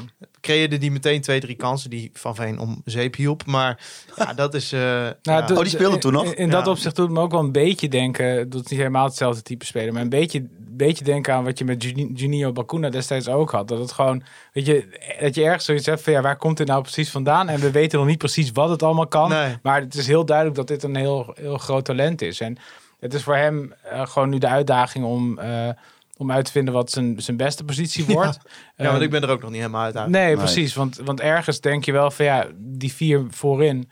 Eh, ja, wat- er mist toch wel echt wat creativiteit. En eh Schreuders is ook, ook niet, de, niet de man die er een schaar uitgooit en zijn man. Nee, eh, ook niet van de steekpaas. Nee, precies. Het is allemaal het bal vooruit tikken en de hard achteraan rennen. Ja, zeker. En, en hij, is, hij heeft wel echt een goede techniek. Dus dat, zijn basistechniek is gewoon echt heel erg goed. Dus best wel doelgericht nog. Best wel Fijne doelgericht. eerste aanname. Ja, eerste aanname. Tweede aanname. Ja. Derde aanname. Maar het is ja, een beetje een omgekeerde van Gelder eigenlijk. Ja. Die heeft niet zo'n hele goede eerste Hele aanname. mooie vergelijking. En nu heb ik een bruggetje voor jou om naar achteren te gaan. Nou ja, ik, wat, wat ik me vooral afvroeg, eh, er is op een gegeven moment natuurlijk een kentering gekomen dit seizoen dat het van eh, verliezen naar winnen ging. Of eerst gelijk spelen eigenlijk, Ja. eh, twee keer achter elkaar. En een van de spelers die eh, het veld heeft moeten verlaten voor een ander is eh, doelman eh, Michael Verrips. Hoe heb je naar die wisseling eh, gekeken? Nou, van dat Jurrius er nu staat. Nou, ik ben best wel altijd een Verrips verdediger geweest. In de zin van, hij heeft het in België toen echt heel goed gedaan. Was hij echt, echt heel goed. Had hij echt heel weinig tegendoelpunten in Ja, 34 wedstrijden. Zo'n klopt. 17 of zo. Ja, dat is echt waanzinnig. En toen, en ook in die periode bij Emmen dacht ik wel van ja, goed, het is niet dat hij ze erin houdt, maar hij was toen echt, echt wel echt goed. Ehm, en dan hoop je gewoon van, nou ja, dat jaar is een incident en het zat iedereen tegen. En eh, sowieso natuurlijk wel bij veel mensen een beetje het gevoel van, deze selectie is veel beter dan wat, wat er is gebeurd. Ik weet niet eens meer wie dat nou zei in een interview afgelopen weken ergens. Iemand die bij Gro- Groningen was vertrokken volgens mij. Die ook zoiets, die ook zei van ja, we hadden daar niet mee moeten degraderen. Nou, het maakt er niet zoveel uit. Maar eh, ja, bij hem had je dan zoiets van, nou, nu moet het er dan uit gaan komen. En het Ze gingen er vooral in. het werd echt gewoon met de week eh, gewoon beroerder. En, en ehm, ja, ik vind, ik vind Jurjes geen, geen wonderkeeper. En ik had van tevoren ook zoiets van, waarom ga je in godsnaam een, eh, een- echt een concurrent halen voor Verrips? Dat lijkt me, weet je, hoe, hoe tevreden blijft Jurjes Ja, daar? nou, we zijn er nu maar wat blij mee. En nu is het echt eh, inderdaad, en ik vind Jurjes, eh, ik bedoel, ja goed, de onderliggende cijfers zeggen eigenlijk gewoon wat, eigen, grofweg eigenlijk wat, wat je tegen, wat je met Verrips extra tegen kreeg, eh, krijg je in dezelfde periode onder Jurjes juist extra minder tegen. Dus dat, eh, nou ja, het is echt gewoon een swing van, van vijf doelpunten of zo over die periode. Ja, dat, Terwijl de verdediging niet, anders, kijk, niet heel veel anders presteert qua, qua te- kwa- kwaliteit van kansen tegen of wat dan ook. Dat valt dan wel mee. Alleen de impact van... En het kan zijn hè, dat je gewoon echt een, in het begin een paar keer echt pech hebt als, als, als keeper. Het was bij hem op Alleen op een gegeven moment, ja, op gegeven Maar ook moment- de rust die zo'n Jurjes brengt, dat is misschien dan niet in data uit te drukken, maar ja, op een of andere manier heb je een soort gevoel dat vanaf toen is de verdediging pas echt op gang gekomen. Ja, maar dat zeg ik dus. De kans Ja. die ze tegenkrijgen, het is wel ietsje, ietsje lager gemiddeld. Maar het is niet, het is niet dat je denkt van nou, dit is organisatorisch een wereld van verschil. Wel, wel kanttekeningen erbij. Het programma over de eerste tien wedstrijden was denk ik iets lichter misschien wel dan eh, de tien wedstrijden daarna. Ja, maar, maar in het geval van Jurjes dan is het niet een beetje zo'n verhaal van you see is what you get. Ja, het is geen Sergio Pat, Nee, maar het, Wel het de is- beste, wel de beste sinds Sergio Pas. Ja, maar het is ook niet. Ja, het is gewoon, gewoon prima voor, voor, voor de huidige situatie. Gewoon een hele stabiele speler die goed ligt in de groep. Die, eh, nou, ik heb hem op die avond van de Rolly site waar wij bij waren eh, bezig Ja, gezien. Dat ik denk, ja, dit zijn de soort spelers die je wil. De man die op trainingskamp 's ochtends met de materiaalman een Ja, hartstikke leest. leuk. Ja, dat, dat, nee, maar hij heeft het ook, eh, begrijp, begrijp me niet verkeerd. Zeg maar, ik, ik, ik vond het een gemiddelde KKD-keeper. Subtop misschien. Eh, en hij heeft tot nu toe wel beter dan dat gepresteerd. Zeg Ik vind maar. eh, dat vind hij ik zich in ieder geval oogt hè, de, als Ja. kampioenskeeper. Voor, dit, Ja. voor deze competitie, hè? Ja, ja het is, ik, ik, ik, hij, je kan hem gewoon niet echt op fouten betrappen. En dat is wel redelijk, redelijk Nee, en wat, ook wel, hij heeft ook keeper. wel eens een fout gemaakt. Eén keer een schot via zijn voet bij een tegenstander voor de Oh ja, klopt. en dan ja. zie je ook direct, dan miste ik ook een klein beetje, weet je, gewoon hand omhoog, verontschuldigen, en maar ook gewoon hupske, kop weer omhoog en door. Ja. als je dit natuurlijk al 15 jaar doet, dan laat je ook niet meer gek maken. Nee, Dan weet je dat je ja, een keer een fout maakt. Ik denk dat Nee, hij ja, dood is- is, die- geschrokken dat hij überhaupt ging spelen op een gegeven moment. dat hij dacht van vrek, mag Maar in de spelen. voorbereiding, in de voorbereiding Ja. zei hij al wel van, nou, ik zie wel Ja, kansen voor mezelf. echt, eh, je ziet aan alles dat dat eh, echt een mooie gast is. Die jonge spelers lopen met hem weg. Dus ja, dat is ook niet te onderschatten. En Maar ik zeg niet dat Frips dat niet is hoor. Want Frips, dat is echt niet te onderschatten wat die op zijn schouders heeft gekregen vorig jaar. Eh, door allerlei ontwikkelingen rondom het eerste elftal... dat hij samen met Pelopessi ongeveer teammanager was op Ja. een gegeven moment. Dat is echt niet te onderschatten. Maar ja, je moet wel zo eerlijk zijn dat hij gewoon aan het begin van het seizoen... Ja, dat, dat zag er niet uit. Nee, die, ik kan me nog herinneren die wedstrijd tegen de Graafschap, Ja, geloof dat ik. was heel erg. Dat hij gewoon een bal in de vo- voeten van de tegenstander Ja, maar er is schiet. weinig dingen frustrerender dan als het dan niet lekker gaat... dat je dan ook nog een keeper hebt die alles doorlaat. En, eh, blijft hij in de winter? Of? Ik weet het niet. Ja, ik denk wel dat we er goed aan gedaan hebben om hem slechts te huren. Ja, dat denk ik ook, ja. Ik, denk niet, ik weet niet of eh, Danny Buis erop zit te wachten bij Fortuna. Nee, Ja, maar heb die, die hebben iets, iets betere keepers staan daar, dus Ja. dat, eh, dat scheelt. Ja. Nee, maar dit, dat, is, dat is natuurlijk... Kijk, je hoopt gewoon dat, dat zoiets heel goed uit, uit, eh, uitpakt. En nou ja, op het oog is dat een favoriet ding van, eh, van trainers en scouts. Ja, de voorwaarden zijn fantastisch. Ja, nee, dat hebben we bij Groningen meegemaakt. Dat, die, dat ze daarvan Ja, houden. bij Groningen waren bij een heleboel Ja. aankopen recente we- voorwaarden geweldig. Dan gaan we nu toch naar eh, het onderwerp van eh, de dag, eh Jongsma, Jongsma. Want Nou. eh, ja, linksback. Over voorwaarden Ah, gesproken. linksback. Ik, ik dacht, we beginnen rechtsachter. En, Nee, nee, nee. We gaan meteen naar de linksback. Ik, ik, ik heb eigenlijk wel als ik heb wel op mijn, in mijn lijstje, in mijn volgorde heb ik rechtsback, centraal, linksback Ja. gezet. Maar ik kan gewoon niet meer wachten. Want ja, Jongsma trekt op dit moment de dit is, wij hebben een appgroep met Komt veel minder en Jongsma. Ja. En daar gaat het regelmatig over die Ja, Want klopt. ik weet, je luistert vast wel eens. Ik, volgens mij luister je niet altijd naar ons. Maar je weet wel hoe ik over de linksbackpositie Ja, ja denk. zeker. Ja. Ja. het, het, voelt bijna een beetje als een soort van, weet je, een minuutje van Michiel zou een minuutje van Meta kunnen worden elke Ja. week. Ehm, Ja, ik, eh, ja, ik vind Ja, jij bent wild enthousiast over Ik vind Isaac met. zo'n erge voetballer. Echt. Ik, ik moet wel zeggen meteen, om Michiel, ik stel me hier een beetje objectief op, maar ik zit wel meer aan Holst Ja, dan aan, aan jouw kant. En ik kan er dan ook echt van genieten als die jongen dan bij eh RTV Noord latjes schieten gewoon alles mist. nee, dat is een grapje. Michiel. ongelofelijke haters zijn jullie. Ja, ja, ja. Eh. Ja, maar ik heb dat dus niet bij... Ja, ik, kijk, Ja, maar wil je, oké, kijk. kijk, ik zeg ik, eh, mijn, even mijn samenvatting. Ik vind Prins ook niet goed genoeg. Hè? Dat is niet, Ja. dat is niet, dat is Nee, niet de dat- dan is- oplossing. Dan is, het goed. Alleen Meta heeft wel, eh, nou ja, je moet wat jeugdopleidingskosten eraf halen. Maar die heeft ongeveer 1,1 miljoen meer gekost dan Wouter Prins. Dat is mijn voornaamste argument. Dat je een maar jongens- aankoop. Wat? De weg ligt open voor, voor, voor de GOAT. op Ja, dat is zo. Dat is zo. Ja. Peersman. Hintem. Peersman. Peersman. lekker man. Na de winterstop Peersman. Met eh, bal, Balker eh, of Blokcel ligt er nog Balker weggaat en Bakker achterin. nou kijk, Oké, eerst Eerst- over e- met. ja. eer- eer- eerst, nee, maar even, eerst even gewoon een wat breder punt. Van, je, we hebben het over de linksback positie. Ja, zo simpel werkt het gewoon helemaal niet. In de zin van, wat wil je van je linksback? Hoe staat de rest van de verdediging? Hoe staat de links-mid slash links-voor? Wat doe je met de centrale middenvelders? Dus ik denk dat afhankelijk van wat je van die positie nodig hebt... of wat je daarvan wilt... dat je eh, best wel een... ehm, goede zaak kan maken dat je daar Mette absoluut niet moet neerzetten. Of juist Prins absoluut niet moet neerzetten. Of juist Peersman absoluut niet moet neerzetten. En dat is gewoon best wel ingewikkeld. Ik denk dat ehm, Prins er destijds vooral is neergezet vanuit het oog van, nou ja, jongen uit eigen opleiding, communicatie is wat makkelijker. Valente die kent hem, eh, kent hem wat beter. Ehm, hij is. eh, Straalt iets uit. nou ja, goed. ehm, kijk, Rent niet overal blind heen. laat ik het zo zeggen. Het, het lijkt me. Dit, is, dit is een podcast die positieve dingen over FC Groningen moet zeggen. Dus ik wil geen Oh, argumenten wanneer is over, dat? over Wouter, Wouter Prins. Ik denk dat een aantal negatief- luisteraars van de afgelopen twee jaar van hun stoel vallen Nou, op dit waar, moment. Ik, ik moet zeggen, voor oudsher was het voor positiviteit opgericht. Ik wou net zeggen. Dat kon veel minder. Was, Ja. het, was, het was ooit het Alleen, idee. alleen, alleen kwam toen in jaar twee Mark-Jan Flederis en eigenlijk is het vanaf dat moment bergaf gegaan. Nou, echt sinds die podcast met Mark-Jan. Nee, maar kijk- Die tweede. Wou- Wouter Prins, ik vind het prima te verdedigen dat je hem voor nu daar neerzet. Eh, het is een jongen uit eigen opleiding, zit nog, zit nog rek in enzovoort. Weet je, ik bedoel, net zoals je bij Van Bergen inderdaad, wat je net al noemde, gewoon, je hebt best wel duidelijke argumenten om het wel even zo te laten staan. Ehm, alleen ik denk dat wat bij, bij Meta, kijk, zijn, hij heeft een gigantisch loopvermogen. Dat zag je tegen Jong Utrecht ook weer. Die gast die was er zo verschrikkelijk moe van om er steeds achteraan te moeten. Maar wat je zegt, aan de bal is het gewoon, en dat vind ik dit seizoen ook wel een stuk minder dan, eh, dan in fases vorig jaar. Is het gewoon niet goed genoeg? De, voor, de voorzetten zijn, zijn niet denderend, om het eh, maar rustig te zeggen.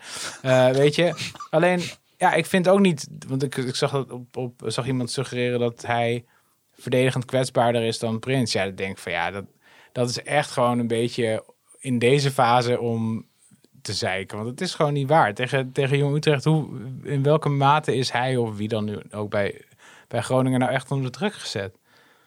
Toch eigenlijk niemand. Ja, dus maar- waarom ga weet je, dus, dus ik vind het de, Ja, maar de het helpt wordt natuurlijk wel, niet dat die jongen 1,2 miljoen heeft gekost. Eh, eh, Daar kan hij niks aan doen. Maar het is toch wel... Het, het, het is dan een beetje de personificatie van alles wat er op technisch vlak mis is gegaan. Iemand die... Ik denk dat hij nog steeds in de data er waanzinnig uitkomt. Sterker nog, ik hoorde recent nog een verhaal dat er een aantal scouts waren van andere clubs die geïnformeerd hebben bij Groningen. Van nou, we hebben nu toch iemand uit de data zien komen. dus, en, en dat wordt dan gehaald. eh, als je de verhalen eh, in de wandelgangen moet geloven, ook nog wat er doorheen gedrukt hier en daar. Omdat de scouting zeker niet unaniem over hem verdeeld was. En die jongen komt op de linksback-positie en die wordt in wedstrijd 3 tegen Ajax. Nou ja, ik heb gisteren Anthony weer zien spelen. Is hij goed nog? Nou, nee, die, die lachen zich. Die, ik denk dat Ja, die- Ajax ja, ja. eigenlijk gewoon meta de afschrijving daarvan zou moeten vergoeden. Ja, vind ik ook. Ik Want bedoel, ik die denk jongen, dat- ik die jongen dat heeft 50 Ajax miljoen. 100 miljoen. Ja, maar we- 50. we laten hebben- we- laten we we hebben- 50 zeggen. We, we hebben het nu over een wedstrijd waarin, waarin FC Groningen speelde met Jurgen Strand Larsen en Cyril en Gonge. Ik bedoel, hoe lang geleden is het? Nou ja, Casemiro- anderhalf Ja, jaar. anderhalf jaar. Ja, maar jij, jij zegt hij is in die tijd beter geworden. Ja, ik vind hem wel beter Dus geworden. hij is van basisspeler, eredivisie naar Ik had dit- bankspeler, ik- ik had- KKD. Ik had dit grimmige gesprek al verwacht eigenlijk. Ja, ik, wat, kijk, mijn punt is gewoon, als jij een, eh, een, iemand nodig hebt die de complete linkerkant kan bestrijken, dan is hij gewoon een hele goede optie. En dat geldt, dat geldt, dat geldt niet Ja. per se voor wat jij zegt, subtop eredivisie misschien. Maar het, weet je, je kan wel steeds dat prijskaartje erbij halen, maar het prijskaartje dat doet er eigenlijk niet meer toe. Want Nou het is ja. inmiddels al Nou, betaald. ik denk Nee, als hadden als hij in uitgegeven. Delfzijl was geboren, had hij, het, eh, had hij de, de onder 13 van Groningen nog niet gehaald. Nou, dat denk ik dus wel. Ik denk dat hij de onder 13 had gehaald. Ik denk dat hij de onder 15 had gehaald. Ik denk dat hij zelfs Jong Groningen had gehaald. Ja, en dat hij daarna bij Vitalis was gegaan Nee, maar- en eh, student was geworden en dan bij de atletiek vereniging. Nee, Ja, maar- ik, wacht al, ik wacht al op deze. Maar kijk, als je gewoon iemand nodig hebt eh, in dit, in dit, eh, hoe heet dat, Ehm, dit seizoen die gewoon die linkerkant kan bestrijken, die daarvoor voor diepgang zorgt, is Meta gewoon op die positie de beste optie. Als het gaat over dingen aan de bal doen, ja goed, dan is Prins denk ik momenteel beter. Ehm, dus ja, dat zijn de afwe maar die is verdedigend, vind ik ook Ja, maar niet. daarom Maar is maar, denk er is je maar het- één gulden middenweg, jongens. Ja, Ik gooi hem er nog maar eens een keer in. Hij staat er al het hele jaar in. Hij heeft kritiek gehad, hij heeft lof gehad. ja Circus Peersman. Ah, dat, is, dat is hem. Nee, maar Peersman die kan op die, die positie niet voor genoeg diepte zorgen in principe. Dat moet je hem denk Nee. ik ook niet aandoen. Dus kijk, dat is een hij beetje... weer rennen alsof hij, alsof hij Ja. een hete code loopt. Nee, maar hoewel hij wel... Hij had een soort, soort van fantasy assist op de Duarte vrije trap Nou, natuurlijk. hij ik- werd neergehaald. Ik, Oh ja. ik, ik, Dus, ik, eh, maar goed, moet, het- moet ik het hakje tegen, tegen wie was dat er nog bij halen? Dat is een briljante voetbal. nee, maar Nee, gewoon... maar eh, gewoon- kijk, ik durf te beweren, en eh, sterker nog, we gaan het binnenkort eens doen.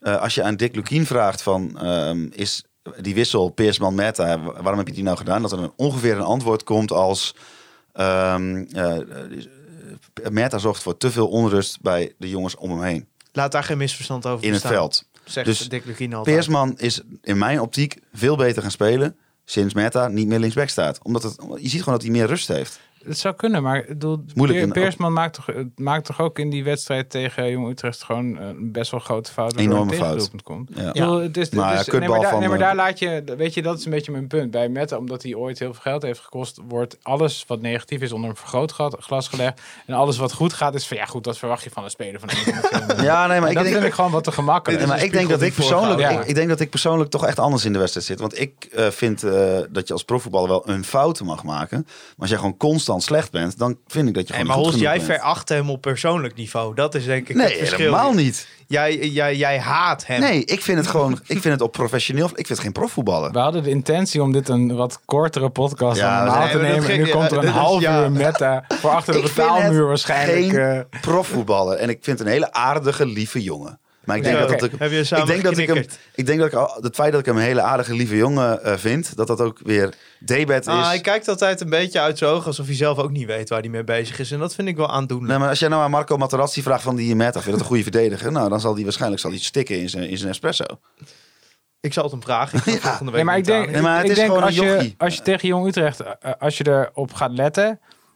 Eh, er zijn best wel veel momenten dat, dat Mette de run naar voren maakt en er wordt gewoon niet aangespeeld. En Nee, er zou ik ook niet doen er als zijn- bij er mijn team zou er- zitten. Er zijn, er zijn argumenten voor te maken, maar bedoel, Oh. hij, hij kan echt voor veel, voor, gewoon voor veel breedte in het spel zorgen op die manier en voor diepgang. Alleen dat is gewoon niet de manier waarop momenteel wordt gevoetbald. Eh, als je met een, drie, een, gewoon een verkapte 3-5-2, wat met in dit systeem best wel aan de bal zou kunnen, ik denk dat hij daar gewoon een duidelijke functie in kan hebben. Eh, en is hij daar ook beter in dan Wouter Prins en, en Marvin Peersman. Alleen als je in de huidige, weet je, als je, als je daar wat meer, nou, wat, wat rust aan de bal misschien zou willen, ja, dan is hij daarvoor niet de oplossing. Ik denk, ik dat zal, geloof ik, ook niet. Ik zal me een beetje inhouden vanaf nu. En eh, de scouts van andere clubs, hij heeft heel veel voorwaarden. Haal hem alsjeblieft op. Dan zijn wij er gewoon van Nou, af. jongens, op de man af, linksback. Voor het tweede seizoen zelf? Ja. Ja, Circus Peersman. Nou, ik zou, dat is nou echt een positie waar ik een nieuwe speler zou, zou Zo. willen zien. Ja, maar dat vroeg ik niet. Ik, maar er is eh, geen geld. eh, Prins, Peersman, Meta. Wie linksback? Ga ik toch voor Mette. Oké, ik ging ook voor Peersman dus. Oké. Nee, maar dan, Ehm, dan kom je dus centraal. Ja, Eh, nou dat- bedankt. Ja, maar dan kom je dus centraal. helemaal niet meer. Nee, precies. Ga, ga maar door. Maar, maar hoe ga je We daar zijn nog maar een uur neerzetten? bezig. Maar ik bedoel, je hebt daar, daar in principe denk ik dat je Marco Rent en, en Peersman toch het liefst laat staan. Nou, ik weet niet. Ik eh, eh, heb wel een bepaald voorgevoel. Kijk, eh, ehm, toen wij in de, in de zomer op trainingskamp waren, denk ik dat de naam Wouter Prins is een van de namen die het vaakst genoemd is door Dick Lukien. ja. En ik heb weer zo'n voorgevoel dat dat ook gaat gelden voor iemand die iets ouder is en dat is Nick Bakker. Oh ja, dat zou kunnen. Want die, da- daar spreken ze allemaal vol lof over, hoe goed die nog moet zijn. En hij heeft nu twee keer mogen invallen. Ik denk dat eh, als... eh, en draaide de wedstrijd in zijn eentje gewoon om. Tegen. Is dat zo? Nee. nee.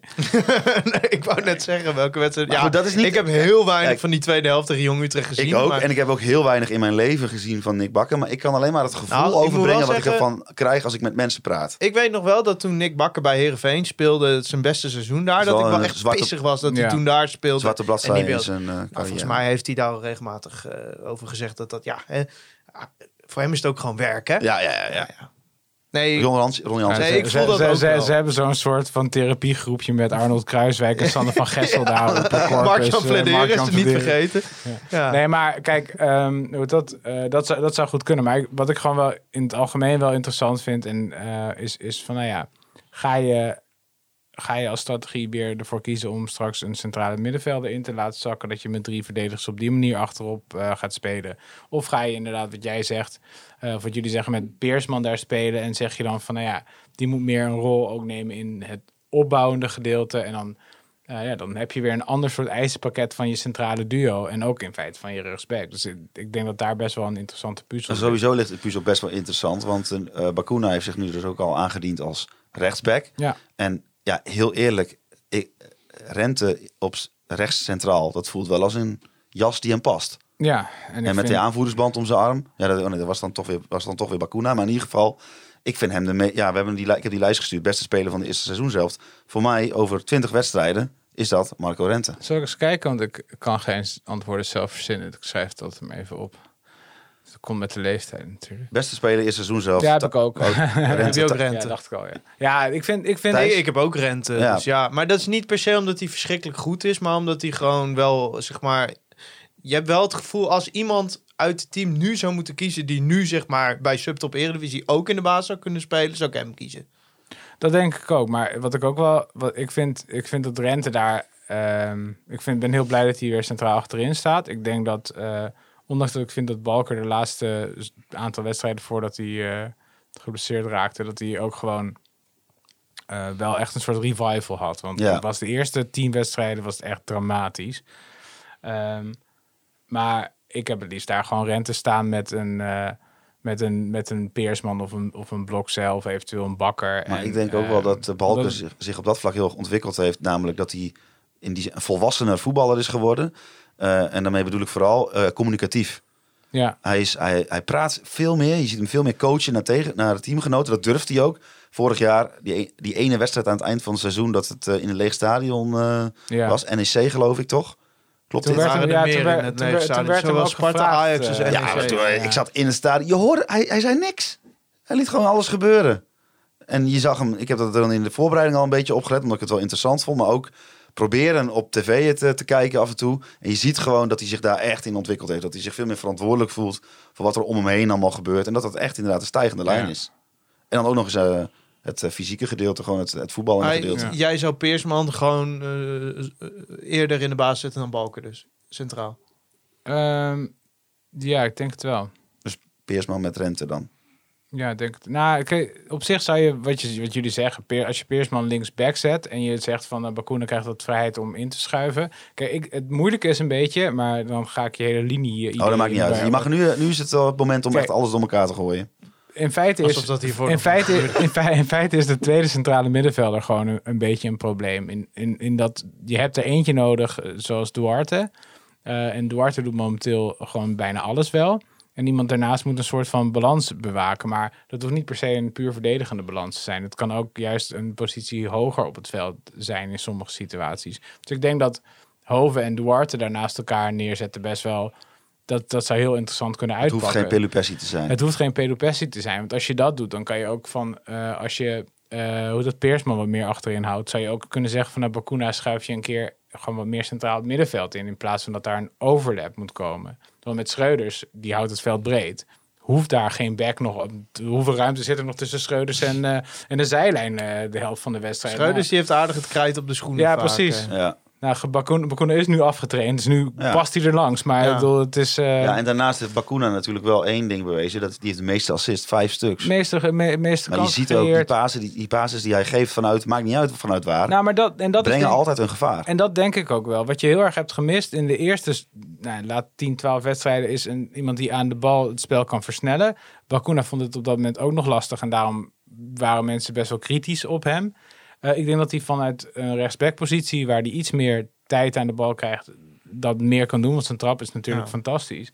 En dan kan hij op die manier daar een invulling aan geven. Als, als je dan met een Hoven een wat meer lopende middenvelder hebt, nou, dan kom je misschien eindelijk in de buurt van die, wat was het, 11 goals en 6 assists waar jullie het eh, over hadden. Ja, ja, die heeft gewoon een keer eh, die complete Noord ik heb hem, toen, ik heb hem toen zien spelen. Toen speelde hij gewoon op 10. En niet als een creatieve speler, maar gewoon echt Lopen, lopen. Ja, maar ook die lopen. ruimtes in daar. Ja, ik heb ook even wat eh ja, Noors competitie. Heerlijk om terug te kijken. Altijd van die lege fietsenstallingen met besneeuwde bergen op de achtergrond. Maar die deed niks anders dan over die spitsen heen klappen Ja, ja, de hele tijd. En dan werd hij erin gestuurd, schoof je hem in de onderhoek. Klaar. Ja, en ik denk dat dat, dat zo'n Het zijn wel even vijf, zes goals die je wel kan gebruiken, zeg maar, als hij dat toevoegt. Precies, en ik denk dat als hij dat met een, bijvoorbeeld Valente eh, wat, wat kan af gaan wisselen en dat eh Valente wat meer naar het midden komt en dat je op links wat meer nog een echte een aanvallende, dreigende speler met gewoon met een dribbel. Noah krijgt. Memeran. Nee, maar dan. maar, Bakuna hoef je ook niet zorgen te maken over het verdedigende gedeelte. Dat, Nee, en is, ik dat is zelfs toen hij niet fit was. En ik vind dat, dat vind ik ook. En ik vind, eh, ik vind beste aankoop vind ik, vind ik wel rente en beste speler. Maar ik vind dat je daar ook. eh, ik vind Bakuna echt een redelijk goed gelukte aankoop. Want hij. hij Zo. Ja. Een Dit is wel, dit is goed wel de eerste hot take in deze podcast. Vind ik mooi. Oh, ik vond die van net Meta zeggen, ik ja, een blokje. nee. Meta, dat, dat noem ik gewoon eh, Be- be- eh, beetje een een psychologisch Obligaat stukje is dat eh, altijd natuurlijk.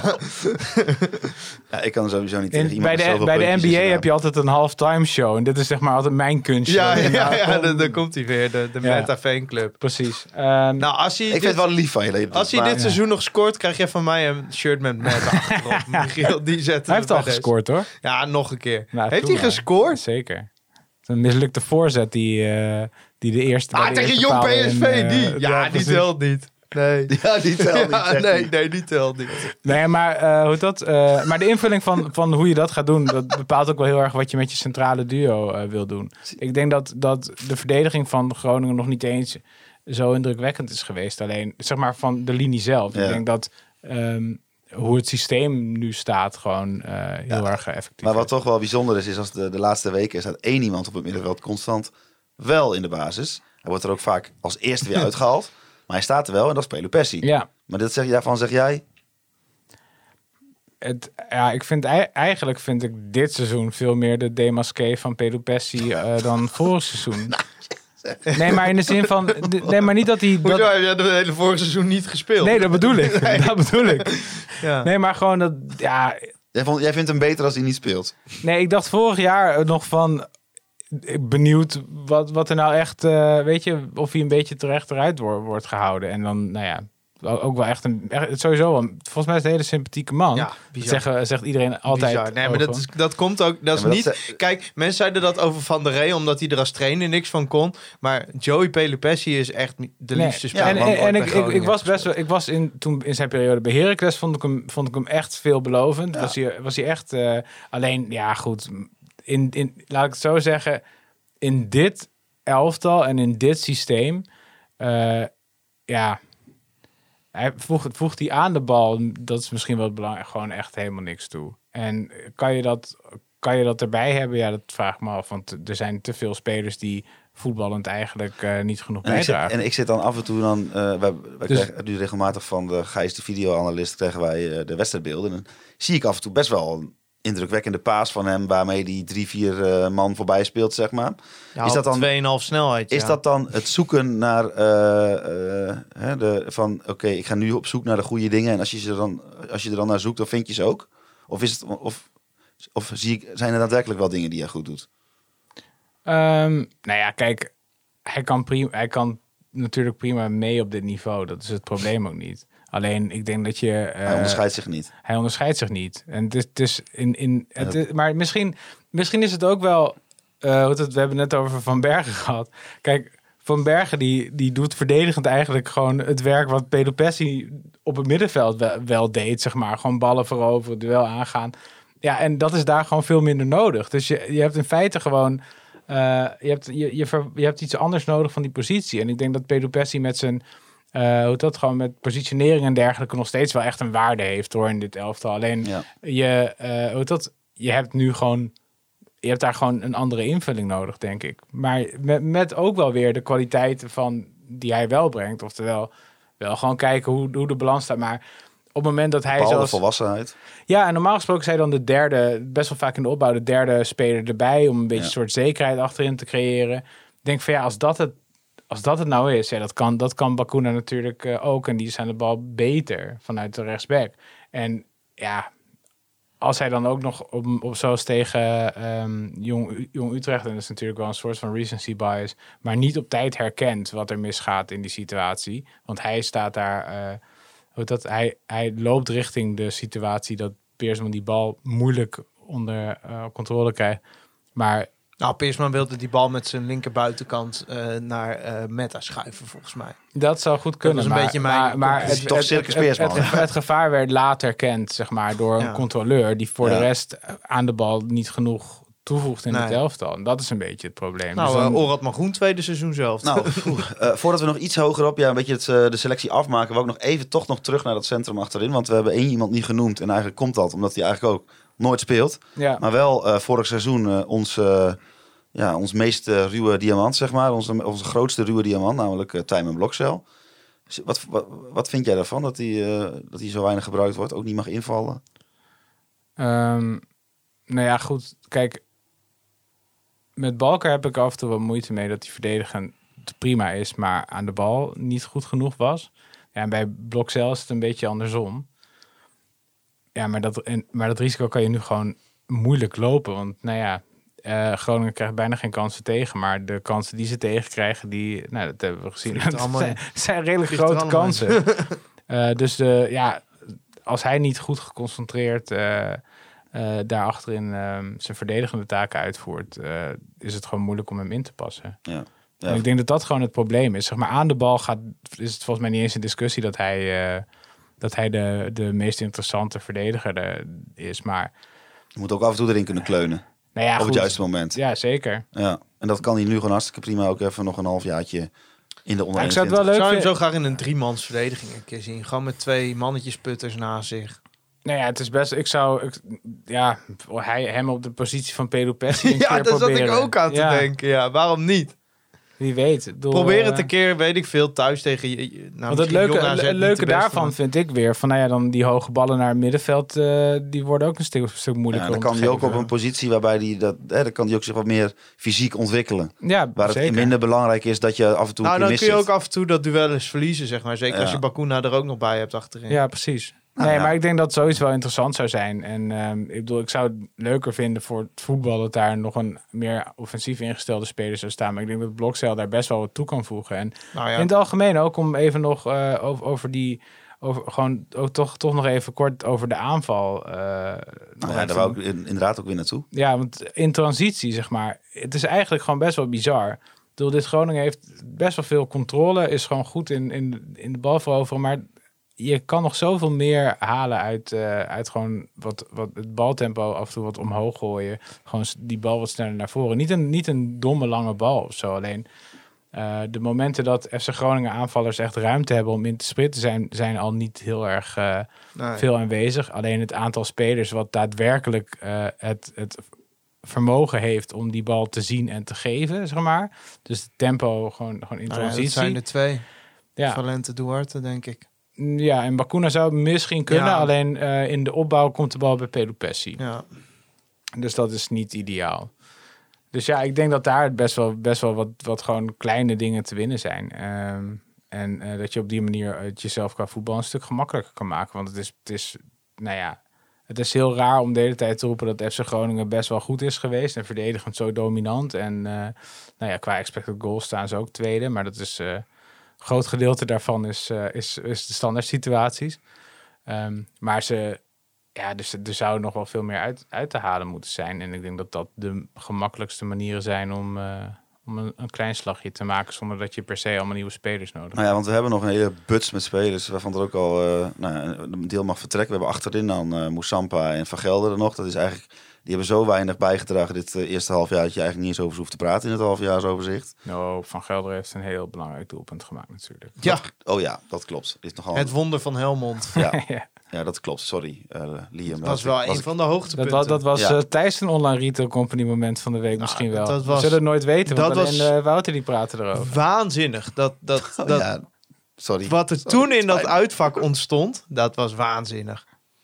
Dat was echt... eh, Ik zat ja. toen in Kenia volgens mij. dat, de- daar kan weinig tegen op tegen, tegen in de laatste minuut winnen. Dat is gewoon... Maar dan ook nog dat, dat, dat, dat hij het is. Nou, ik voorspel dat dus voor de tweede seizoen zelf dat wij op de laatste dag tegen Rode JC in de laatste minuut gaan promoveren. Ik zou dat typisch eh, FC Groningen vinden. Dat na twee jaar ellende ineens, zeg maar, alles samenkomt. Door het doelpunt van Tom van Bergen. Ja, nou, van mij mag het. Oh. En, dat dan, en dat dan die hele Noordtribune voorzet al... van Metta. Dat die hele tri- Noordtribune al leegloopt dat veld op. Terwijl Roda dan nog één keer moet aftrappen, zeg maar. Ja. Dat dan eerst dat veld helemaal leeg moet. En, en iedereen staat al klaar. En dan nog één keer aftrappen en dan promoveer je. Nee, ja, ja. Goed, je had nog iets anders. Sorry, Ah, Hols, ja. Nee, dit was een geweldige, dit was een geweldige herinnering. Maar eh, ehm, je hebt nog een hele but spelers eh, die of weg mogen of er een beetje omheen hangen. Ik vind de naam, dat we de naam Iran dus en Abraham nog weinig Iran dus. Abraham, dan noem ik eh, eh, toch nog even Lien, Ja, Emeran. allemaal top aankopen. En dan hebben we ook nog uit eigen jeugd Touré, die Mhm. eh, een paar keer mocht invallen en zelfs al een keer basis heeft gestaan. Ja, eerste seizoen. Eerste ja, Os seizoen toch eh? En we hebben, we hebben er weer een nieuwe bijgekomen. Die is ook weer een beetje terug uit, eh uit verbanning van- de onder 21. eh, die afgelopen twee wedstrijden in mocht vallen. Namelijk Kian Slor. Ja, waar moeten we er allemaal mee? Nou ja, de- het grootste deel moet weg natuurlijk. Dan heb ik het niet over Lien of over Sloor. Nou, misschien moet Sloor ook een keer zijn Ah. geluk elders gaan beproeven. Maar Misschien mag dat hij onder, Eh. onder dik nog één kans krijgt. Ja, on- in de, in de voetballers met een krasjeshoek eh, zal eh, er zal vast wel een liefhebber Nou. voor Abraham te vinden zijn, denk ik. Want Kian eigenlijk... Sloor trouwens, die schopt die compleet dan- onder 21 overhoop. Hè? Dus misschien moeten we zo? die nog even Ja. eh, een kans geven. Ja. Ja. Nee, ik vind ja, goed. Dat, Sloor is natuurlijk heel interessant, want die heeft al eerder onder Lukien bij Emmen eh, Ja. een tijdje gezeten. Uit Ja. selectie gezet daar, maar Ja. het, het schijnt allemaal bijgelegd te zijn. Maar Abraham zei. Ah, Slor, Nou, nee. Moet even, even twee jaartjes ouder worden. En dan niet eh, hè, in zijn Nee, maar Nee, ze Abra- 24 Abraham, is. Abraham is natuurlijk... bedoel, Dat is, dat, ja. Maar dan moeten we misschien stoppen met zeggen dat als hij in een uh, sportschool nou mag jij niet zijn prijskaartje gebruiken hè, nu in je argumentatie. Nee, zeker niet. Maar had jij er 2 miljoen voor betaald? Volgens mij heb ik toen al gezegd... Ja, ik jij was 2 wel miljoen, echt eh, even, toen wij nog early, allemaal ja. in de euforie van de, van de wereldtalent eh Ja. eh, Coupa Trophy lijst zaten. Maar even zei serieus, jij al, Ab- Abraham is gewoon twee meta's. Ja, ja, ja, ja. zo kun je er ook tegenaan kijken. Nee, maar dat, dat, eh, oh, dat en trouwens over, over Meta was ik, eh, was ik ook niet super enthousiast toen hij kwam hoor. Maar dat Is zo geweldig Ja, die heeft zich voor jou. Nee, maar over eh, gewoon Abraham heeft, heeft, ehm, ja, heeft in principe eh, de, de potentie. Zeg maar, het is de misschien wel de beste dribbelaar in je selectie. Alleen die, de, die heeft één goede invalbeurt ergens gehad, volgens mij na drie wedstrijden, vier Ja, wedstrijden of zo. volgens mij was het tegen Top Os best wel oké. Precies, en, en dan denk je van, nou ja, als je dit doorzet, dan is dit wel typisch wat je eigenlijk nog mist in hebt. deze Ja. selectie. En daarna krijgt hij één of twee, we- maar dan is het En ook dan gewoon klaar. Kijk, Dan is het ook gewoon klaar. punt is, hij is, eh, eh, dat is ook wel een beetje het verhaal. Hij is elke keer in de voorbereiding best wel oké. Maar dat komt omdat dan de algehele fitheid bij iedereen niet zo hoog ligt. En op het moment, eh, dat hoor je ook steeds in die verhalen, op het moment dat er echt hard getraind gaat worden en dat er echt Ja. veel van het lichaam gevraagd wordt, dan haakt hij af.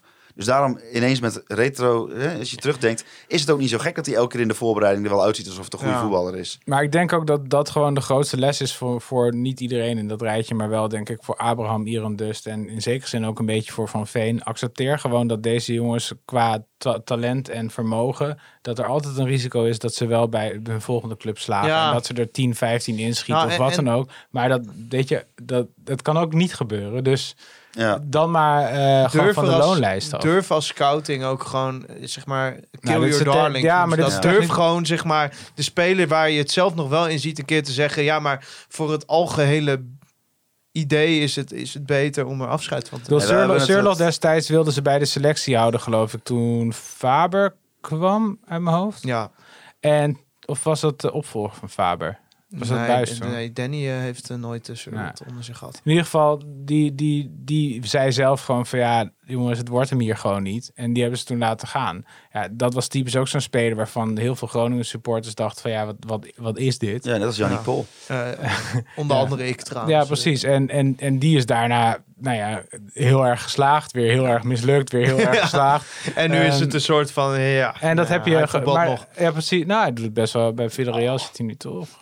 Nee. Ja, maar het, het is niet meer die spits die bij Trapsoms worden 30 inschoten. Nee, maar, hebben het, maar eh, dit moet je, maar dit, gewoon even kort, dit moet je gewoon accepteren. Ja. En Abraham moet je hopen voor, voor die jongen zelf, dat hij over twee, drie jaar in één keer toch de geest vindt en fit is. Iran dus zal in een andere omgeving met een trainer die, die, eh, nou ja, die, die het elftal om hem heen bouwt, misschien in één keer wel. Zaalvoetbal. tien ik goals, blijf het zeggen, zaalvoetbal. Bij wie? In, in Zweden is wa- Ja. zaalvoetbal hartstikke Nou, ik heb, eh, eh, we hadden laatst een aflevering eh, achter de muur met Bas over Groningen DNA.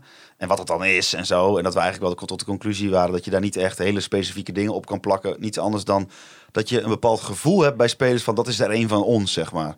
En dan, want hard werken en dat soort dingen en echt je, je kloten eraf lopen. Dat zou je, in principe zou je dat wel zeggen dat dat bij FC Groningen DNA hoort. Maar toch zijn er ook, Nou ja, spe- ook spelers heel populair hier geweest. Die dat helemaal niet zo hadden. Die stonden gewoon te roken eh, naar de Ja. wedstrijd. Dus Iran dus is denk Nee, ik maar zo'n kijk, speler. in Iran dus is een- als je doelpunten maakt of als je goed kan verdedigen, heb je al FC Groningen DNA. Nee, precies, Dat is bij een I- I- ongrijpbare... Maar Iran dus is zo'n speler dat als hij er elke week drie keer langs flitst en daarna eh, naar het publiek zwaait, dan zou het een FC Groningen speler zijn geweest. Ja. Maar die, sta, die, die ligt meer op de, op de massagetafel. En na de wedstrijd lukt het hem maar net om zijn handen omhoog te tillen om te klappen. The Nou ja. street won't forget Twente thuis vorig seizoen. ja, Ongelooflijk. Die man die heeft... eh, wie stond er toen op linksback? Was Gijs Smal. Smal, denk ik. Gijs ja, Smal. die heeft hij alle hoeken van het veld laten zien. Ja, dat was echt ongelooflijk. wat Ja. is dat dan? Dat dat dan één Ja, wedstrijd wel ik kan? geloof ook bij hem nog steeds wel dat hij wel kan voetballen. Ja, ik ook, ja. Alleen, ja, het helpt niet als je iedere drie wedstrijden weer geblesseerd bent. Nee. Nee, en je zit nu ook gewoon niet in, een, niet in een fase dat je kan zeggen van nou, we proberen het een paar wedstrijden met je of wat dan ook. nee, en Het is daarnaast nou ook niet een type dat heel goed hij in deze is in, een, speelstijl hij is in een fase bij FC Groningen beland waarbij eh, hetgeen waar hij misschien wel het allerslechtst in is, even het allerbelangrijkste werd. Namelijk gewoon keihard werken voor, je, voor elke centimeter. Ja. En dan moet je met je flegmatieke paasjes en je mooie acties maar je gaan onderscheiden. Dat werkt natuurlijk ook gewoon niet. Nee, maar het helpt niet als jij door iedereen... Ik weet nog, tegen jong PSV viel er ja in. Toen liep er zo'n 16-jarig jochie tegen, tegen hem aan en hij viel gewoon om. ja, Ja. dat ja, dat helpt niet, hè? Nee. Nee, en ik vind de ironie wel een beetje dat hij juist bij een spitse duo Postema en Van Bergen aan de bal denkt dat hij daar best wel baat bij zou. Een paar steekpaasjes Ja, per joh. wedstrijd, jou hè? Dus, maar goed, weet je, dat, daar moet je gewoon, gewoon voor je eigen zinnigheid gewoon op een Nou, gegeven dat moment gaan afscheid ze van nemen. godzijdank nu ook doen. Maar als jij de, de, de, de pannen van het dak speelt en hij geeft vier keer een kutpaas en de vijfde is goed, dan boeit het je geen reet. Maar als jij zo ongelooflijk moeizaam hebt gespeeld als Groningen de afgelopen anderhalf jaar, en dan komt er zo'n Pipo in die dan eh, bij elk balbezit maar denkt dat hij een of andere wereldsteekpaas op een spits die niet loopt moet geven. Ja, dat helpt ook gewoon niet mee. Ja, maar jij zit natuurlijk een beetje in je, nou ja, hoe moet je het noemen, Gandalf the White fase met je nieuwe club. En eh, je bent een keer heen gegaan en teruggekeerd. Maar toen jij nog voor een andere club was, vroeger, Ja. toen was er Charon Cherie bij FC Groningen. Eerste half jaar werd alleen maar, alleen maar afgezeken. Ja, terwijl... En toen in één keer ging, ging een paar dingen die fout gingen de eerste seizoen zelf. Want hij vond het ook, hij had volgens mij niet naar zijn zin op dat moment. Nee, maar toen op dat moment Toen- was hij al bizar in het aantal kansen. En toen was hij al heel goed. Alleen Ja. er zit dan iets raars. Nou, hij had één manier. keer was hij niet doorgelopen op een bal. Dus die Ja. bal die leek uit te gaan. Dus hij stopte met lopen en toen kon hij nog ingehouden worden. En dat, dat eh, is bij mensen toen zo verkeerd gevallen.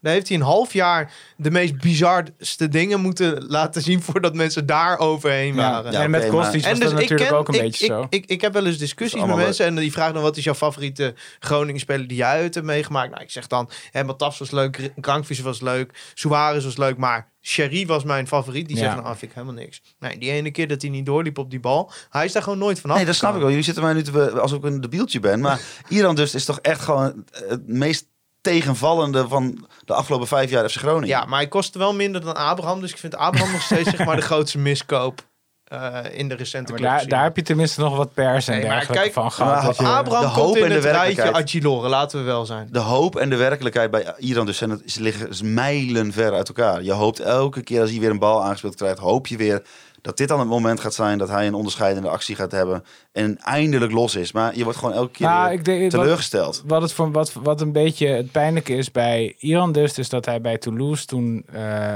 dat die transfer niet door is gegaan vanwege fysieke problemen. Ja, het is een- En dat je, je- dat je je wel heel erg afvraagt van zo'n club laat die transfer klappen. Je haalt hem dan alsnog binnen. Ehm, zet hem op een troon. zet hem op een troon. Terwijl in die tussentijd, tussen de mislukte transfer en die transfer naar Groningen, heeft hij volgens mij ook niet heel veel gespeeld. Dus je En een zware operatie omgaan. en een zware operatie ondergaan. Dus je, Ja. dus je, je neemt gewoon. Ja, maar je vergeet dat dat in de tijd was dat het beleid nog was. Wij krijgen ze wel fit. Ja, dat is- ja goed. Hè, fitste, sterkste selectie, eh, faciliteiten, eh, medische keuringen waar je nog even een second opinion laat doen. Dat was aan de orde van de dag natuurlijk. Het is een beetje tegenovergestelde van de Hans Nijland eh, quote van op de wind van. eh, Gisteren kan je niet varen. nee, maar op de, die, van, die van morgen proberen we toch. Zo, maar Ja, dat is een beetje ja. hier. eh. Ja. Maar goed, We gaan hem eh, even richting een, eh, een, ja, eh, een een einde. einde doen. ja. Ik, heb nog, e- ik wil nog even dat lijstje dus bij langs wat ik jullie allebei van tevoren heb gegeven. Eh, nou, de beste speler van de eerste seizoen hadden we alle drie al genoemd. Ja. Alle drie rente, hè? Ja. Meest tegenvallende speler eerste seizoen zelf? Kevin van Veen. Voor mij toch Iran dus. Geval apart. Want je toch had gehoopt dat het dit jaar wel zou lukken. Nou ja, omdat, omdat, je, lager. omdat je denkt van het niveau lager, nieuwe trainer waarvan je ook weet dat hij van dit soort types houdt. Eh, volgens mij heeft Lukien het ook wel eens Ja. aangegeven. En je denkt van nou ja, als het nu dan niet lukt, dan is het gewoon klaar. En in plaats van dat je dan nog, nog eh, een beetje de luxe hebt van tien wedstrijden, een beetje denkt van ja, dat is hem niet. Je hebt hem nauwelijks Nee. gezien. Ehm, dat- Van dat Veen ga ik alsnog zeggen. trouwens. Positieve verrassing eerste seizoen zelf. Eh, Jij hebt hem al opgeschreven, dus jij mag eerst. Ja, moet ik even kijken of ik nog steeds met mezelf eens ben natuurlijk. Eh, nee, ja, Jörg Schreuders. Ik bedoel, eh, ook eigenlijk het grootste talent. Maar dat vind ik wel... Ja. Ja, je zag hem voor, vorig seizoen invallen. Heel ondankbaar in een van die, van die Ja, laatste wedstrijden. Mocht hij als rechtsback. rechtsback in de Ja. basis. Eh, tegen goed voetbal, voetballende ploeg, zei de trainer destijds volgens mij. Ehm, maar ja, die, die, heeft, die heeft ondanks die moeilijke eh, wedstrijd tegen Jong Utrecht, want dat heeft er bij hem persoonlijk volgens mij ook best wel ingehakt hoe, eh, Ja. hoe, hoe, hoe dat... ja, hij had gewoon op de training het gevoel dat hij geen bal meer kon raken. Nee. Het is niet zo dat hij, eh, dat hij er depressief van thuis zat. Nee, dat, nee, maar dat vind ik juist, dat bedoel ik eigenlijk juist. Ik bedoel, als je een, een FC Groningen is, eh nou, een- om een understatement te gebruiken, een club onder hoogspanning geweest in 2023. En dat je dan eh, op zo'n manier eh, Ja. daar, daar je bovenuit vecht. En dat je nu eigenlijk gewoon week in week uit een van de beste spelers bent. Dat vind ik echt heel knap. voor Ik heb een ander. jongen. Ik vind Schreuders eh positief verrassing zeker. Al wist je bij hem wel een beetje dat hij het, zeg maar, de verhalen grondsen al dat dat wel iets Ja, bijzonders Lukien, was. Lukien was in de Ja. voorbereiding al wel Ja, gecharmeerd. ja maar- en eh Wim Masker roept het al een jaar of drie. Dus ehm, ik ga Postema Ja, zeggen. ik wilde ook Postema zeggen. Ja, ik, ehm, ik, ik vind zeker de afgelopen eh, weken... En als ik dan zie hoe die die bal erin schiet eh, afgelopen vrijdag... dan denk ik, eh, Ja. volgens, mij, eh, volgens mij kan dit nog wel eens wat En worden. laten we eerlijk wezen, seizoen de, in de zomer dachten wij dat hij maar beter naar Harkema's Boys Nou, daarom. Dus, dus zo hard ging het. En, en Dat is het verschil, waarom Als ik hem niet als verrassing... als eh, ik zie hoe, hoe, hard hij hem, hoe hard hij hem verdekt binnenschiet... Nou, volgens mij, ik heb, ben volgens mij de standaard Postema Ja, ik wou zeggen, Ja, we zitten hier met de klopt. Postema fanclub. Ja, maar die jongen die komt van ver. Ja, zeker. Ja. En hoe, ik vind echt... Jongsma en Wim Masker hebben altijd ik vind, vertrouwen in hem ik, gehouden. Je ziet gewoon, ja, ik weet niet, dat is een soort gevoel wat je dan hebt in je onderbuik als je voetbal zit te kijken, maar dat je kan zien, dat is een profvoetballer, dat is er misschien één in wording. En als ik naar, bijvoorbeeld naar eh, Van Lente kijk, dan denk ik van, ja, dat is een jongen die gaat een hele mooie carrière tegemoet, maar is nog een jeugdspeler. Bij Postema ben je gedurende dit eerste, deze eerste seizoen zelf ben je gaan zien, hey, kijk, daar staat een profvoetballer op het veld. Die is rustig, die is kalm, die eh, eh, is voetballend ook. En meevoetballen, dat hebben wij al een aantal keren benoemd, is hij ineens eh, veel rustiger geworden. Je krijgt hem niet zomaar van de bal. En ja, alleen nog dat afmaken, dat moet, daar moet hij nog even zijn, zijn echte mojo weer van vinden. Maar die goal, vind- die goal tegen Jong Utrecht was alweer een voorbeeld. Daar zit zoveel meer in. Ik vind, ik vind het ook heel fijn dat Lukien hem vaak lang laat staan. En nog steeds heb ik echt een aantal wedstrijden gehad dat ik dacht van waarom haal je hem er nu al dan uit? ging Van Bergen er, eh mocht gaan blijven precies, staan. Precies, want, want, want nou ja, het, is, het is gewoon in, door die, eh, die winnende goal tegen Jong Utrecht. Dat gebeurde praktisch voor mijn neus. En het is gewoon echt alsof, nou, alsof hij meer tot rust komt, zeg maar. In plaats van dat daar de pan- paniek toestaan. Dat was zo koelbloedig gedaan. Ja. Hij nam hem niet eens echt lekker aan. Maar eh frommelde hem even, even goed en, eh, en legde hem echt zo goed in de verre hoek. En, Ja.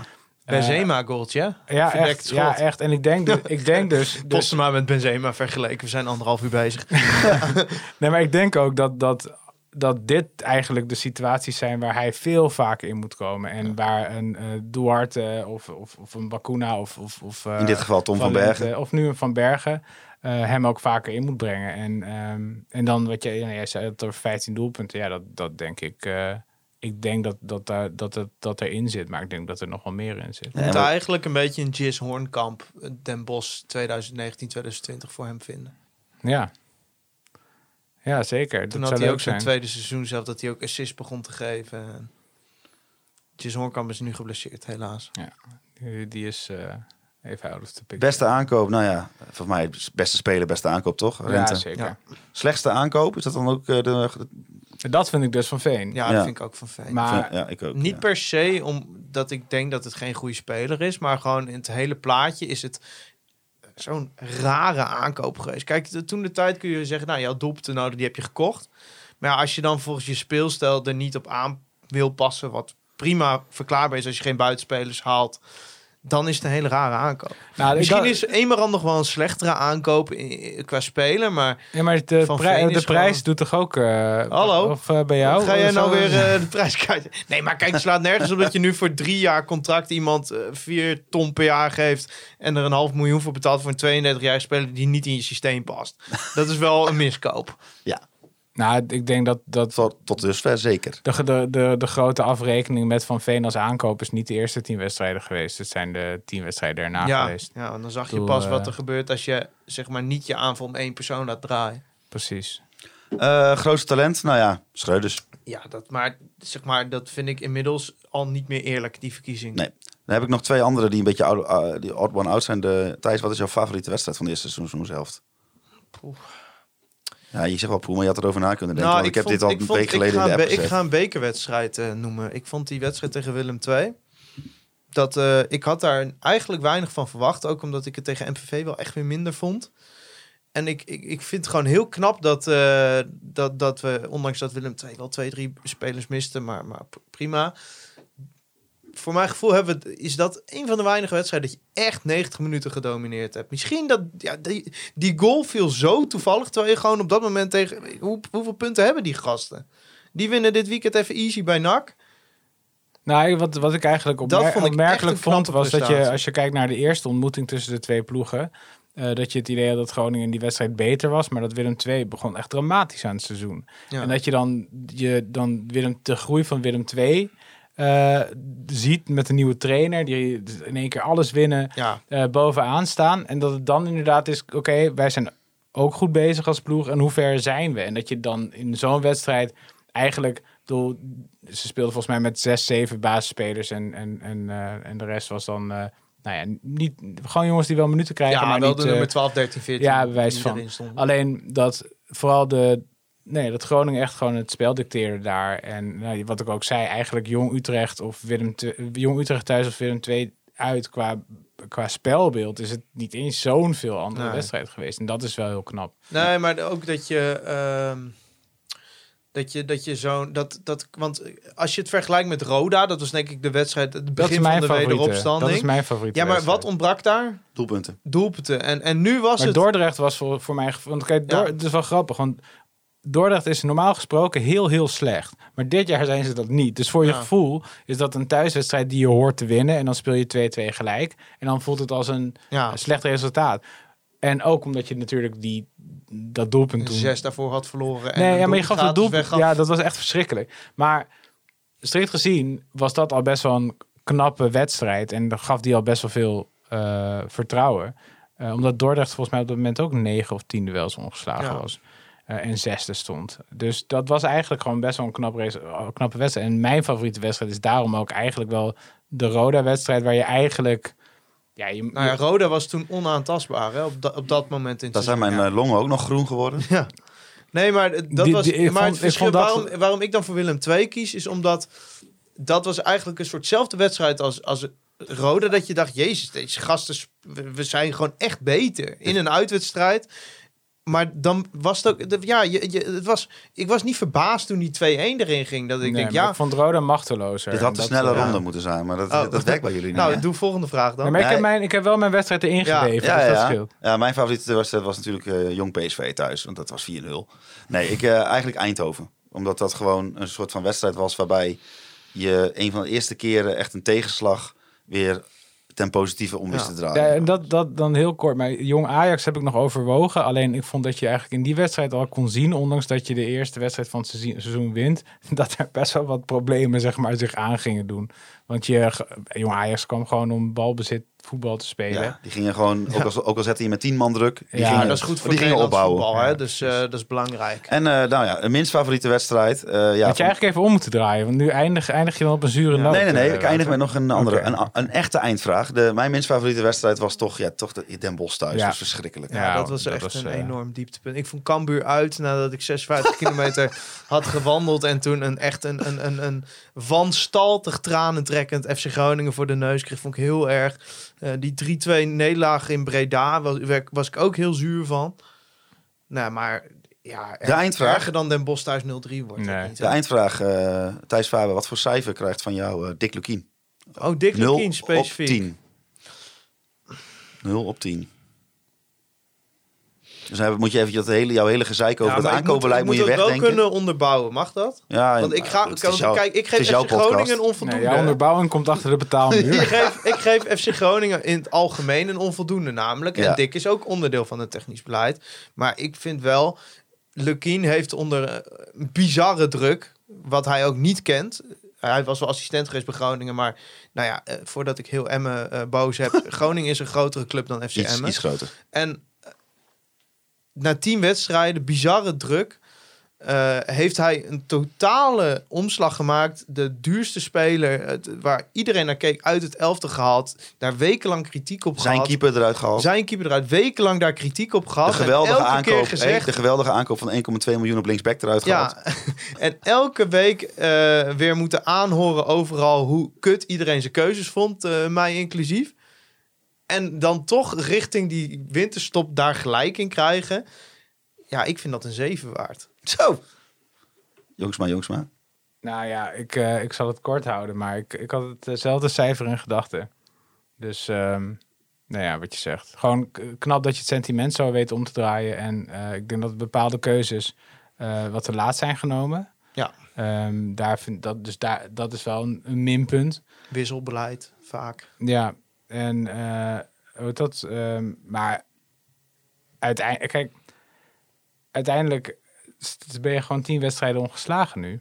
En ehm, je hebt eigenlijk, ik denk dat, nou jij, jij noemt Jong Utrecht. Ik had, het, een- ik had het misschien wel meer tegen Den Bosch, maar dat zijn dan de wedstrijden waar je het nog over hebt. Van hier had je terecht verloren of was je, weet je, was je, was je de mindere. Voor de rest ben je eigenlijk niet de mindere. situaties. Hè, dus.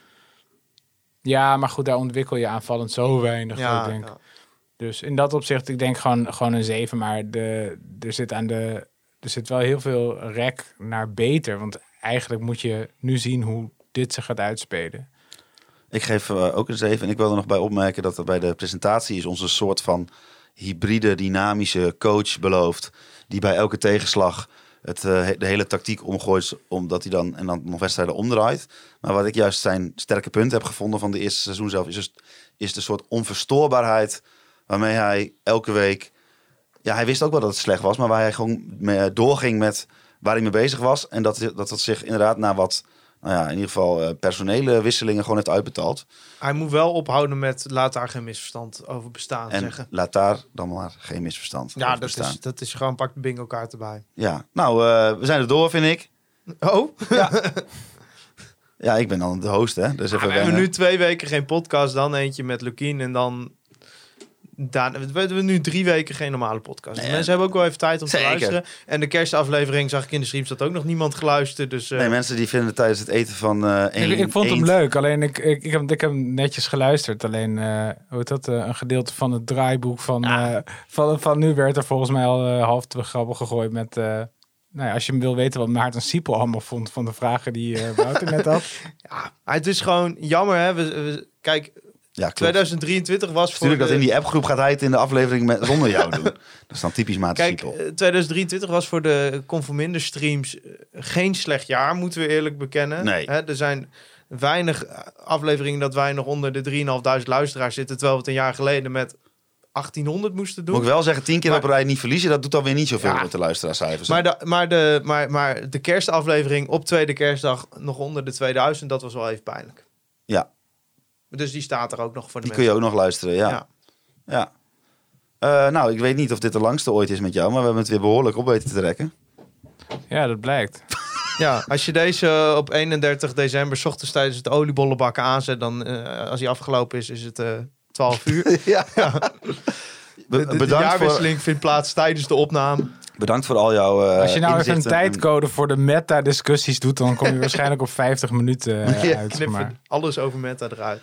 Kom je nog eens weer, eh, Michiel? zeker. En dan houd ik het kort en bondig. Als we kampioen worden dan, of we promoveren? Ja, zeker. Ja, maar dan is, hebben we eigenlijk niks meer aan jou. Want dan is het, het, het goede al gebeurd. En Ja. jij bent altijd degene die ons weer... En dan, zorg op- ik dan, dan zorg ik dan voor een downer. Zorg ik gewoon even, We kunnen beter wachten tot deze selectie is niet de Eredivisie waardig. Maar dan.